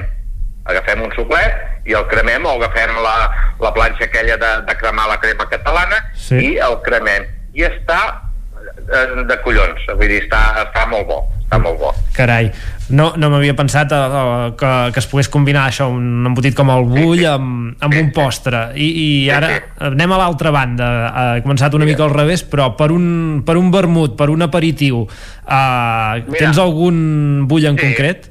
Sí, el de vermut. Eh, agafaríem, posem a casa amb un got de vidre, vull dir, am Mhm. ample, el vermut fred, vale? agafem dos glaçons, vale? um, posem una rodanxa de taronja i agafem una banderilla, posem uh, un tall de bull de taronja, Uh -huh. vale? agafem una oliva, agafem un, un tall de, de bull de taronja i una altra oliva i el posem a dins. I te, el agafes i el sucre ja està uh, molt bo. Uh -huh. Vermu, uh, vermut amb, amb bull de taronja i olives bull de taronja, sí, uh Mhm. -huh. amb olives. Està, està molt bo. Uh, està bueno. Molt bé. Eh, Molt interessant. Llavors, uh, per, per anar acabant, Josep, et volia demanar quina ha estat la teva última invenció, perquè, clar, cada cop t'ha de costar més. Quin ha estat el 91 o 92 que, que, has, que has inventat? Bueno, eh, els últims són, eh, vull dir, ara... Lo difícil era al principi. El, lo difícil era al principi, perquè quan crees un embotit i vols posar a la casa aquest de fruita, no?, que és el Sí. de rebella, vale? que, és un, que és molt maco de color, vale? i dius, hosti, eh, eh, pues aquest em va costar molt, vale? perquè agafar les fruites, que et combini, eh, com té el gust de la coca, eh, saps? Eh, Mhm. I després, amb aquell puntet d'anís, eh, aquella, aquelles fruites, que trobis tot el gust de les fruites, que trobis el gust de l'embotit, i que te'l puguis menjar com eh, una verbena de Sant Joan o per un cap d'any, eh, doncs és eh, molt bo. Vull dir, és un dels embotits pues, que em va costar molt, eh, estic molt content del seu resultat, vale? i bueno, eh, a partir d'aquí jo estic content de tots. Vermut de rebella. Ai, vermut. Sí, sí, sí. Uh, Ah, no, amb bull de ah, rebella. És el bull, bull de rebella, bull Sí. de rebella, eh, que és un que té molt color, molt maco, vull dir, és, eh, és espectacular. Vull dir, aquest al de vista és el que m'agrada més, eh? Són els que d'això. Després, el que em va costar molt, i és un que l'haig de descatalogar, vale? que és el de bull de diada. Vale? El bull de diada és el de la bandera catalana. Mhm. Aquest bull est- està fet amb colors, vull dir, vaig voler provar el que són els colors. Aquest em va costar molt, perquè no es barregessin els colors, però vaig disfrutar molt uh, fent-te'l. Fent-te'l eh, és molt complicat, eh, perquè no és gens fàcil. Eh, N'he llançat molts, el vaig lograr, el vaig crear, i bueno, eh, és una passada. És una passada quan agafes i dius, hosti, per què no puc fer uh, aquest, no? Vull dir, i, doncs agafes i el fas, perquè és complicat, el vermell i el groc, hosti, és complicat de, de que no es barregin els colors, ho entens? Sí, sí. I, i costa, vull dir, és un dels embotits que em va costar molt perquè, bueno, eh, el anava fent a part amb un pot perquè em quedava l'aigua, que ja ho tenia, eh? Que em quedava l'aigua de, tots els, de tots colors, però bueno, Ah. el vaig disfrutar molt, molt fent-ho. Josep, Bueno, amb, tots, amb tots he disfrutat molt, eh? Josep, molta, moltes gràcies per explicar-nos uh, com, com treballeu a Can Torret i, i la, tot aquest repte, bueno, uh, aquest uh, uh, aquesta uh, fita d'aconseguir uh, una norantena de, de, de bulls uh, nosaltres ho deixem aquí tornarem a parlar amb tu si comences a fer tallers si decideixes algun dia parlar, fer un llibre sobre, sobre tot això i nosaltres ens despedim aquí Molt bé, moltes gràcies a vosaltres i per haver-me convidat i, i una abraçada a tots. Vinga, que vagi bé. Bon dia. Fins aquí el territori sostenible d'avui. Us deixem amb els companys eh, que seguiran repassant l'actualitat local dels nostres pobles i comarques.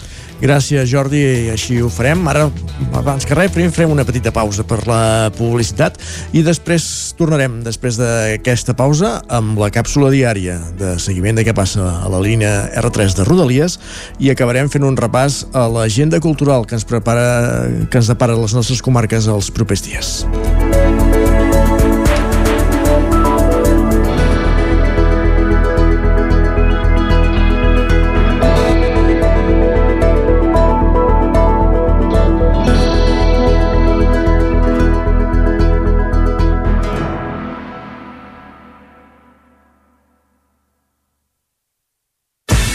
El nou FM, la ràdio de casa, al 92.8. Atenció! Al 99 i Vicreu et regalen una barbacoa de gas Weber Traveler. Només has d'entrar al perfil d'Instagram del 99, buscar el post de la barbacoa i seguir les instruccions. La Weber Traveler és una barbacoa de gas totalment transportable i valorada en gairebé 500 euros. Entra i participa al sorteig. Tens temps fins diumenge. El racó de León. Gaudeix de la nostra terrassa. Vine a tastar les xuletilles de lechal a la brasa amb una bona amanida o el xuletón de vedella gallega. No et pots perdre el nostre lechado de Castilla al forn o el cochinillo a l'estil de Segovia. Tot acompanyat del millor celler, al menjador o fora la terrassa. Descobreix la millor cuina de Lleó sense moure't de casa. Vine amb la família, els amics, la parella o sol. T'encantarà. El racó de León, cuina tradicional lleonesa i de mercat. Som al carrer Torelló número 35 de Vic. Per reserves, telèfon 93 889 1950. El racó de León, una cuina diferent. Som especialistes en cargols a la llauna. Vine a tastar-los al racó de León. Arriba la Welders Battle, el primer concurs de soldadura que impulsa Cefosol, el Centre de Formació de Soldadura. Anima't a participar-hi a títol personal o representant la teva empresa o institució. Premis pels guanyadors, obsequis per als participants i moltes sorpreses més. Us esperem el 30 de setembre a Cefosol i col·laboren empreses locals, nacionals i internacionals i l'Ajuntament de Gurb. Apunta't enviant un correu a info arroba. També pots venir de públic. Més informació al nostre canal de YouTube. Cefosol, carrer Sant Roc número 21 de Gurb.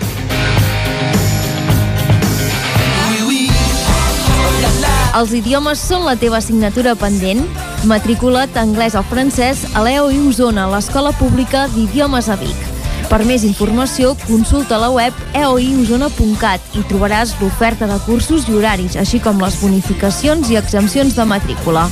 També ens pots trucar al 93 889 3830 a partir de l'1 de setembre. Cocodril Club. Si t'agrada la bona música dels anys 60, 70 i 80, escolta el 9 FM els matins de dissabtes i diumenges d'11 a 1.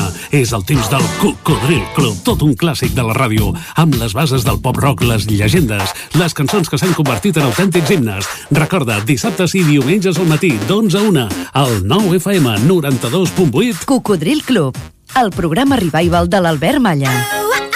Hasta luego, cocodrilo. El 9 FM, la ràdio de casa, al 92.8. El 9 FM, el 9 FM, el 9 FM, el 9 FM, el 9 FM.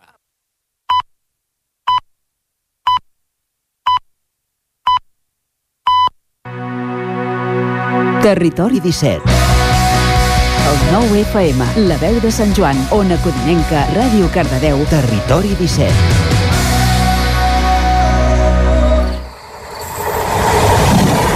A Tren d'Alba. Cada dia els usuaris de la línia R3 de Rodalies que veuen sortir el sol des d'un vagó ens expliquen les gràcies i les penes del primer comboi que uneix Ripoll i Barcelona.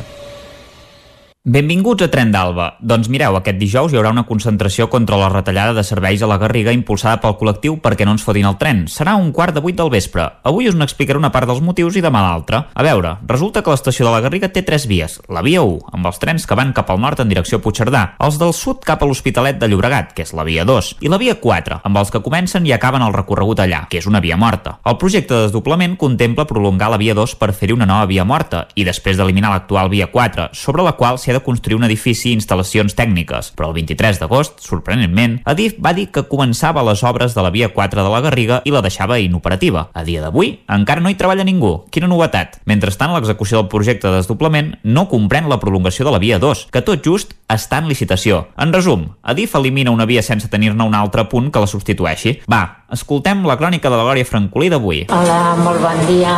Aquí la Glòria, des de l'R3. Avui el tren que sortia de Torelló a les 6 i 52 minuts ha arribat a l'estació de Sants a dos quarts de nou, 6 minuts tard. Avui el tren ha anat molt bé, la veritat és que s'estava molt tranquil. De fet, he detectat que darrerament, des de poc torno a agafar, no va tan ple els matins. Suposo que encara hi ha gent que, que no l'agafa, no sé si això vol dir que hi ha més gent que va amb transport privat. De fet, a la feina, quan va començar la pandèmia, ens van fer un curs i en aquest curs eh, hi havia diverses recomanacions i una de les recomanacions és que no s'utilitzés el transport col·lectiu. Llavors et feien unes preguntes, un test, i una de les preguntes era quina era la recomanació per arribar a la feina. Si amb el teu cotxe, amb transport col·lectiu, i no sé quina altra era l'opció. Compartint cotxe, em sembla. I clar, em va cridar molt l'atenció perquè tela, no? O sigui que ja directament et recomanin que no agafis el, el transport públic en el moment en què estem, de canvi climàtic i tot això em refereixo. Ja, ja entenc que en aquest moment, ara estic parlant de fa un any i mig, les motivacions de recomanar l'ús del transport privat eren unes altres, no? Um, per al tema del risc de contagi i tot plegat. Però em va cridar l'atenció, sí, sí. Res, mira, ara hi he pensat i ho he volgut compartir amb vosaltres. Del viatge d'avui també des volia destacar una altra cosa, i és que encara era de nit i es veia la lluna des del tren, i la veritat és que ha sigut un viatge molt bonic. Doncs no res, jo ja estic a punt d'agafar el metro. Avui em sembla que arribaré més d'hora a l'oficina i això sempre va bé perquè de xous mai en falten. I de temps sempre. Vinga, que tingueu tots i totes molt bon dia, una abraçada des de la ciutat comtal. Doncs sí, sorprèn que quan no hi havia coronavirus es recomanés agafar el transport privat. De fet, no. Als empresaris els interessa que la gent arribi d'hora a la feina i no que contamini menys. Almenys és més prioritari, no tots, és clar, que no s'ha de generalitzar. També n'hi ha que fan les coses bé. Va, ens retrobem demà amb més històries del tren i de la R3. Territori 17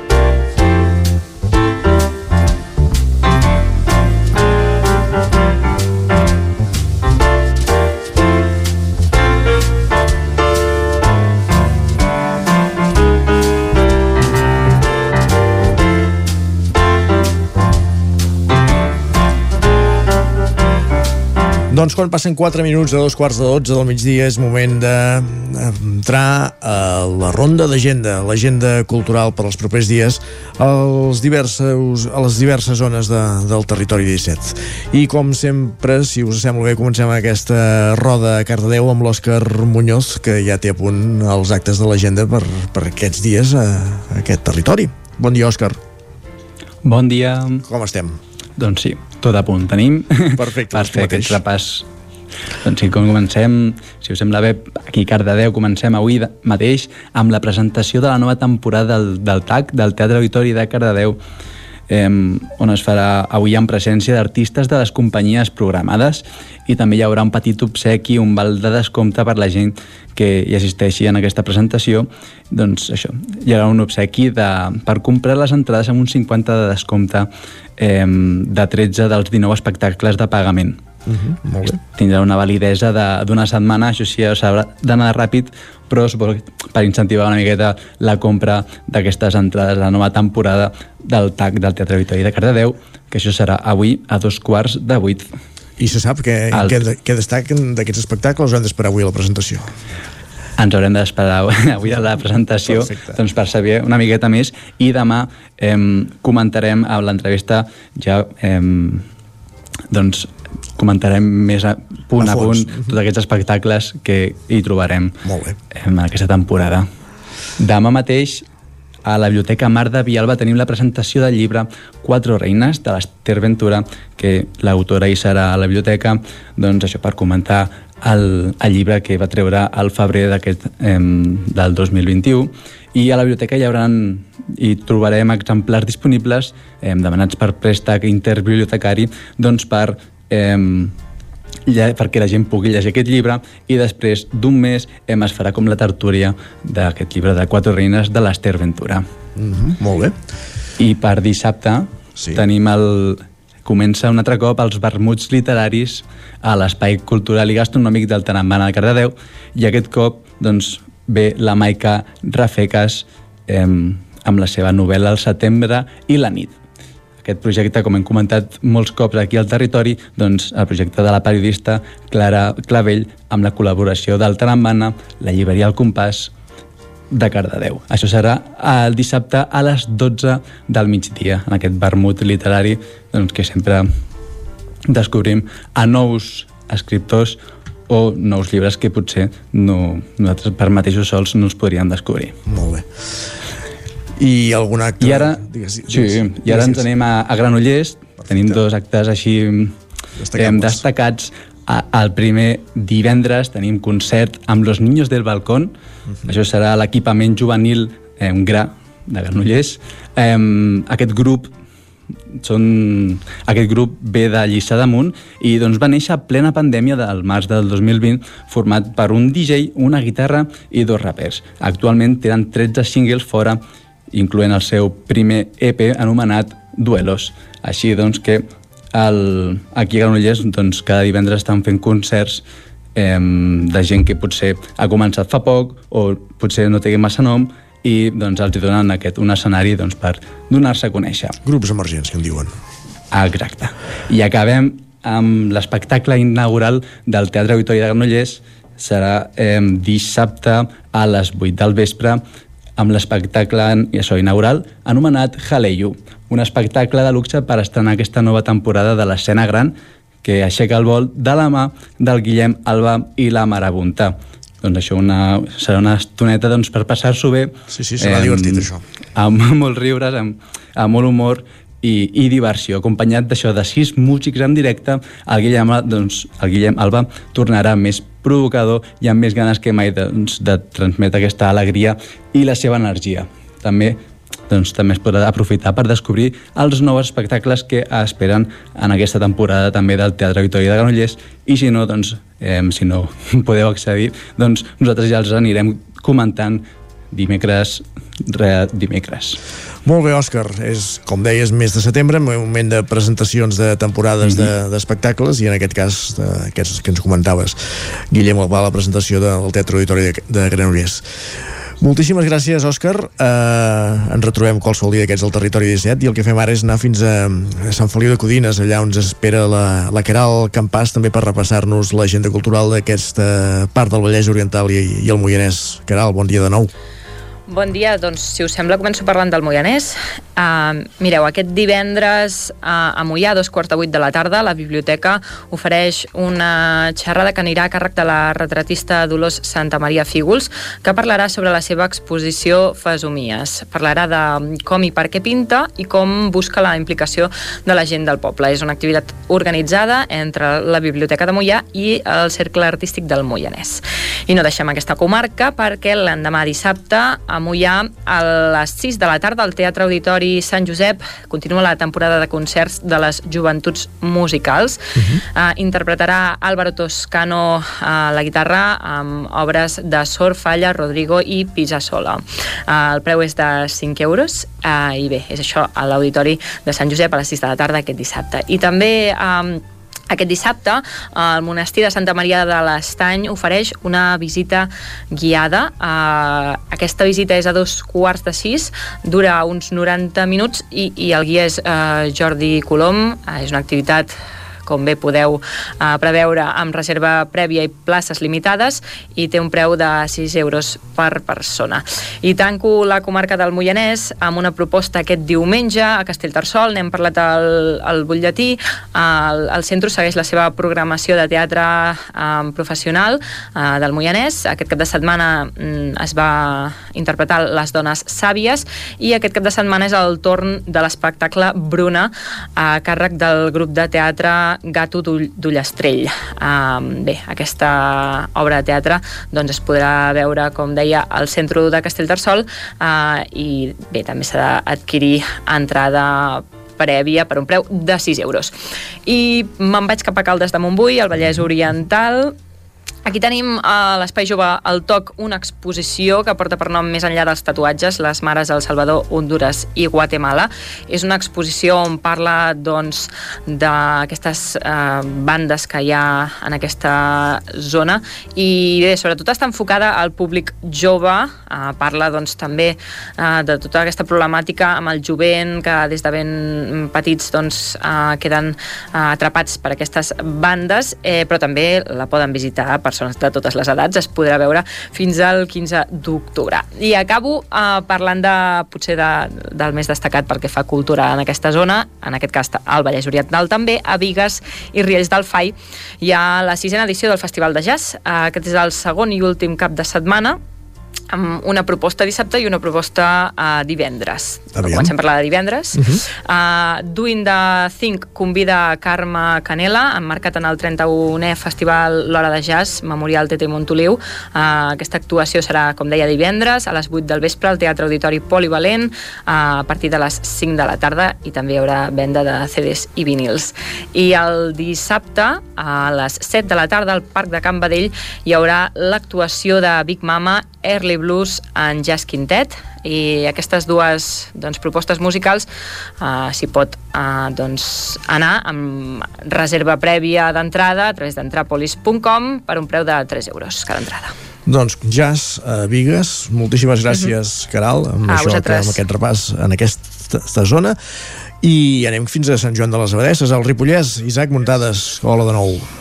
Hola de nou, Isaac. Bones. Com estem? Doncs- Què, què ens depara l'agenda per aquí dalt? Doncs mira, tenim sobretot tres activitats molt destacades aquí al Ripollès, que són bastant importants. Uh, dues d'elles són a Ripoll uh, i una a Can de Bànol, bàsicament. Uh, per començar, tenim el Terra Gullut uh, Film Festival, que s'estrenarà doncs, uh, aquest divendres al Teatre Comtal de Ripoll, que és un festival doncs, que comença, ja us dic, aquest 24 de setembre i s'allarga fins al 12 d'octubre, que llavors serà el dia en què es farà la clausura i el lliurament de premis del certamen, per tant, diversos eh, dies dura aquest eh, festival, i bàsicament eh, en aquesta obertura s'entregarà el Premi Honorífic a l'actriu catalana Ariadna Gil, i, i bé, és una de les eh, coses més importants uh, d'aquest inici. L'altra data a destacar, uh, que ja en parlarem, però us, us ho comento perquè és important, és el 2 d'octubre, que hi haurà la primera jornada de fotografia compromesa que es farà a l'antic hotel balneari de Montagut de, de Campelles, i hi haurà fotògrafs molt importants com Cristina García Rodero, Juan Guerrero o, o Jordi Borràs, així també com la filòsofa Marina Garcés.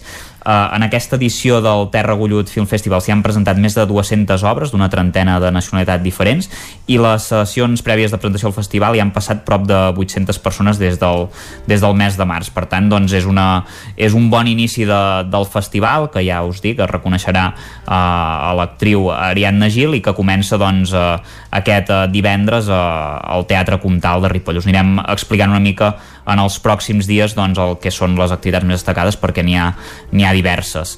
Uh, després uh, tenim uh, a Can de Bànol uh, el Festival Clavataires, que recordeu que s'havia de celebrar uh, durant l'estiu, però va haver-hi doncs, uh, unes restriccions que van impedir que es poguessin celebrar doncs, el, el concert que s'havia de fer uh, a l'aire lliure a la Font del Carol eh, que hi havia de participar el grup Mishima i Maria Jaume. Els dos concerts eh, van ser reprogramats. En el cas de Mishima encara falten uns dies perquè perquè actui, però Maria Jaume ho farà eh, aquest cap de setmana, aquest eh, dia 25, de 9 a, a 10 del vespre a la plaça Clavé. No ho farà sola, també hi haurà el grup Ritual Union i explicar-vos que doncs, s'han de reservar les entrades, eh, són gratuïtes, però s'ha de fer eh, amb reserva prèvia. Eh, recordar que Maria Jaume és una cantant, guitarrista i compositora mallorquina de pop i folk acústic, que de fet l'any 2019 va guanyar el concurs eh, Sona Nou, fet que li va exacte, fet que li va permetre gravar el seu primer disc titulat Fins a maig no revisc i, i bé, que és un treball produït per Pau Vallvé i publicat el 2020 sota el segell discogràfic de, de Bank Robert, per tant doncs és una eh, cantant emergent i que sens dubte doncs, eh, serà un plaer poder-la veure a més a més de forma gratuïta aquí a Can Dànol en el marc d'aquest festival eh, Clavataires que ja us explicarem però la, el dia 9 d'octubre que es claurà amb, amb Mishima, per tant tindrà un, un bon colofó. I després eh, com a així un altre acte destacat hi ha aquesta exposició que es farà a la sala Bat Sant Just de, de Ripoll que també hi serà del dia de divendres fins al 12 d'octubre com en el cas del, del Terra Gullut Film Festival a la inauguració divendres a les 7 de la tarda a càrrec de l'escriptor eh, Ricard Martí i és una exposició obra de Montse Barros i també de, de Joan Camacho del 1935 al, al 2002 es diu també aquesta exposició.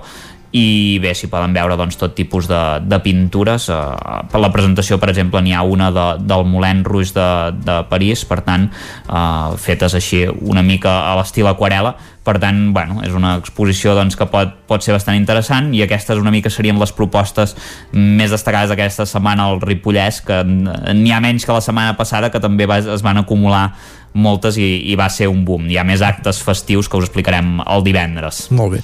Tot això, déu nhi i a més comença això que comentaves al Festival del Gollut, que, que s'allargarà durant setmanes i, i tindràs temps de parlar-ne. Sí, sí, en parlarem, en parlarem. Us explicarem una mica com, com va. De fet, el, a la secció de cinema de, de dijous... Eh, de demà, sí. Es, es, es parlarà una mica doncs, amb en Joaquim Roquer. S'analitzarà una mica eh, com ha anat... Eh, Uh, com es preveu aquest inici del festival. Perfecte, doncs moltíssimes gràcies Isaac, parlem Vosaltres. aquests propers dies. Fins ara. Fins ara. I acabem aquest recorregut a Vic per repassar una mica el més destacat dels propers dies culturalment parlant a la comarca d'Osona amb en Jordi Vilarrodà. Benvingut, Jordi, de nou. Hola, molt bon dia. Com estem? Doncs bé, eh, aquesta setmana ja deixem enrere el que seria eh, el colofó de l'estiu des del punt de vista del, de les programacions d'espectacles, de, que és el mercat de música viva.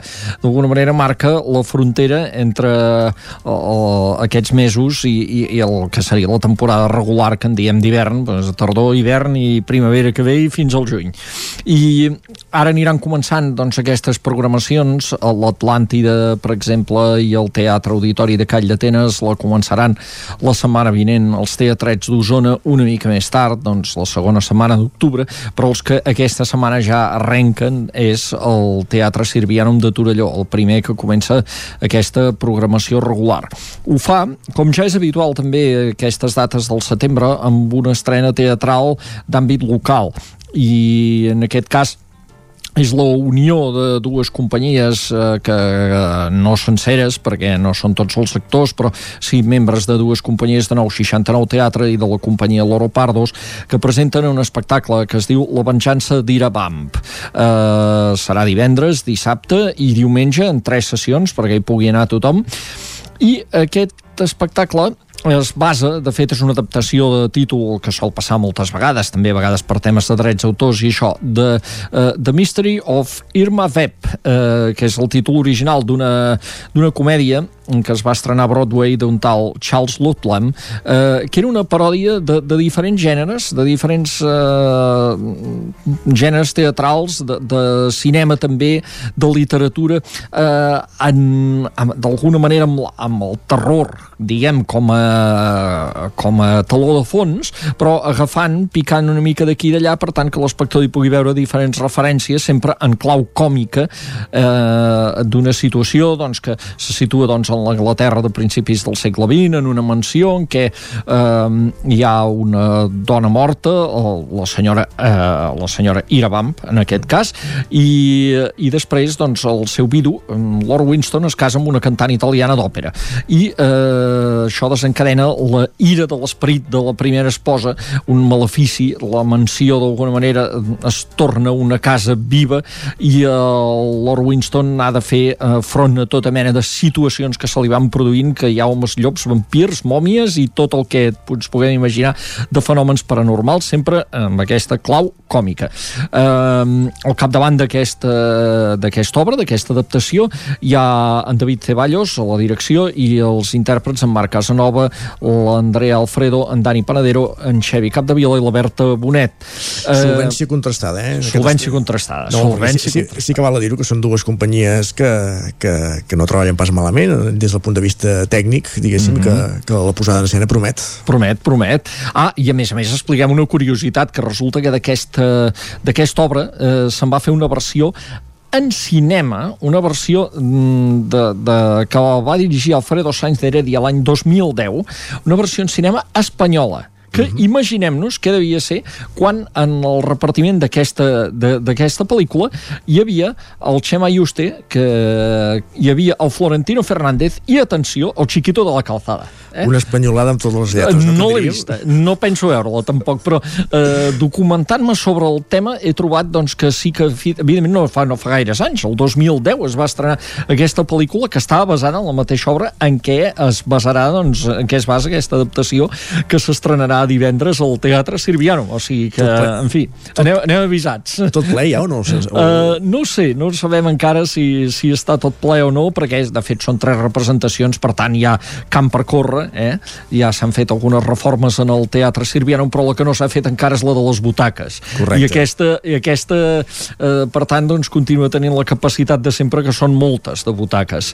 I amb això, bé, amb això comença la programació del Sirvianum, doncs, que ja a partir de la setmana setmana que ve doncs, ja, té, ja té espectacles, que té una cita doncs, aviat també torellonenca eh, que serà doncs, el, a, a principis d'octubre, el dia 8 d'octubre, amb l'estrena del nou projecte d'en Santi Carcassona, Verge Santa, que es diu, i, i en fi, i moltes coses més que aniran venint. Ferran eh? Palau i eh, Ferran Palau, eh, l'Arnau Tordera amb un espectacle treballant amb la gent d'Osonament, cosa que ja ha fet, Correcte. i moltes altres eh, propostes propostes que, que anirem veient doncs, des d'ara fins, al, fins al desembre, que és la programació que es va presentar ahir. un teatre sirviano que li han rentat la cara.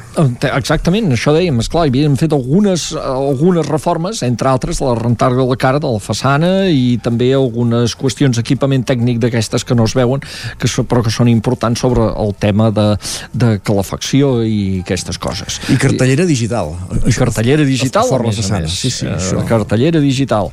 O sigui que tenim l'inici de la programació del Sirvianum aquest cap de setmana. I després, doncs, alguna cosa més poqueta encara, com dèiem. Continua, això sí, el Lluçanès, el cicle aquest eh, que es diu Intrus Jazz pel forat del pany, que va portant algunes actuacions en llocs eh, de patrimoni del Lluçanès, però a més a més llocs que potser no són els més coneguts i que és una ocasió per anar-los descobrint al mateix temps que es va a veure un concert. Per exemple, el d'aquesta setmana, que serà diumenge, és eh, Cal Riba, que és una casa que està doncs, a Lluçà, al terme de Lluçà, i on hi actuaran la Coloma Bertran, violinista, i en Marc del Pino, acordió, a les 12 del migdia, amb aquest format de concerts vermut, que són molts dels que es fan dintre d'aquest cicle, i, eh, per tant, una ocasió per anar a veure un, a veure un lloc eh, que potser doncs, no, no coneixem. Pensem sempre que aquests llocs són d'aforament limitat i, per tant, doncs, de eh, cal reservar entrades. Eh, queden encara uns quants concerts d'aquest cicle que s'allarga fins a finals d'octubre, gairebé un cada setmana fins a, aquesta, fins a aquesta data. I encara una altra proposta, ens anem a Sant Miquel de Balanyà, a la sala del teatre, del Teatret de Sant Miquel, en què es presenta nou disc d'una formació que es diu Nucli Trio, una formació de jazz. Probablement ja us sona aquesta la integren en Guillem Plana a la guitarra, en David Vinyoles a la bateria i l'Aleix Forts al contrabaix. I és una formació que a partir es diu nucli perquè són aquest nucli de tres músics que han anat fent moltes actuacions a la Jazz Cava en què a més d'ells hi convidaven cada setmana doncs, un artista, un músic diferent que els incorporava doncs, a tocar amb ells en una mena de jam session però ells eren el nucli, aquí deia doncs, això, el nucli trio. I ara han fet un disc, el presenten aquest dissabte a dos quarts de nou del vespre al Teatre de Sant Miquel de Balanyà.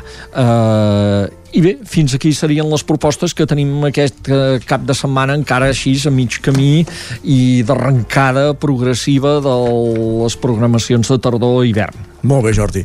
Has comentat que un dels espectacles, que una de les propostes que es presentaran durant aquesta temporada del Sirvià només aquest nou projecte d'en Santi Carcassona, de, de Verge Santa. Mm -hmm. Si et sembla, acabem amb, amb una de les seves cançons. Estarà molt bé. Un gran músic en Santi Carcassona, molt interessant tot el que va fent sempre. Doncs amb aquesta cançó que sentirem i col·labora Masoni. El full és ple i el tall és alt el ball és dens qualsevol any. El far és lluny i el cul és guai.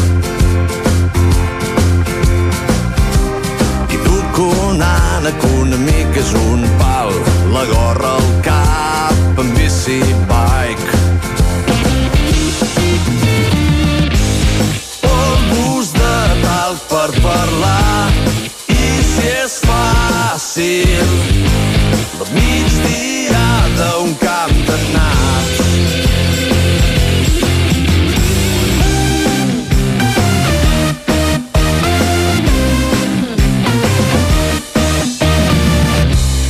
naps. Un all ho és tot, un pop famós. Un rot podrit, la verge al marge i tu també. Aquest camió és un truc, la sort de mena, un cuiner és un cuc, el tap de l'aixeta, nois que fan soroll, agafar el grip o néixer el porn.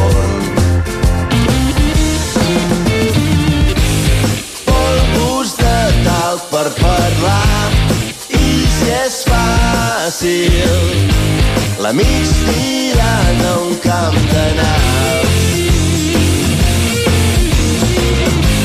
Depens del vol i això està clar que pensi el llapis si caus enmig del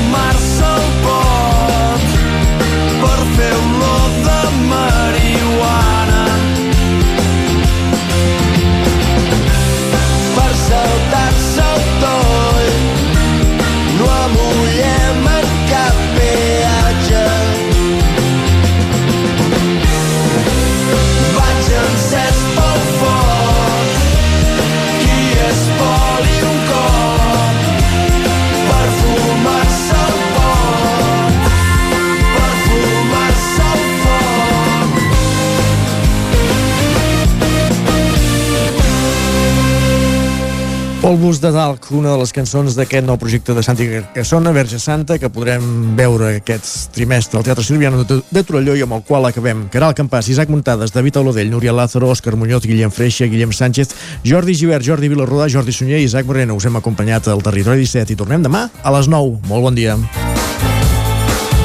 Territori 17, un magazín del nou FM. La veu de Sant Joan. Ona Codinenca i Ràdio Cardedeu amb el suport de la xarxa.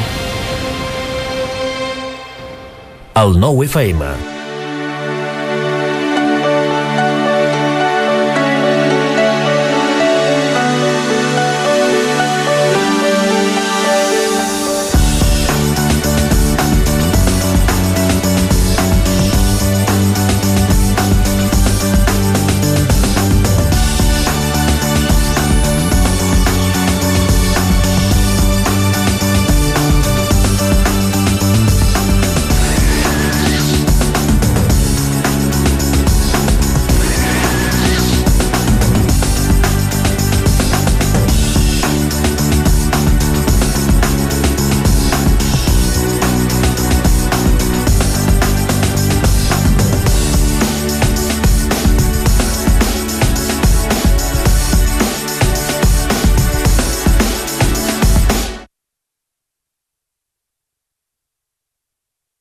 El 9 FM, la ràdio d'Osona.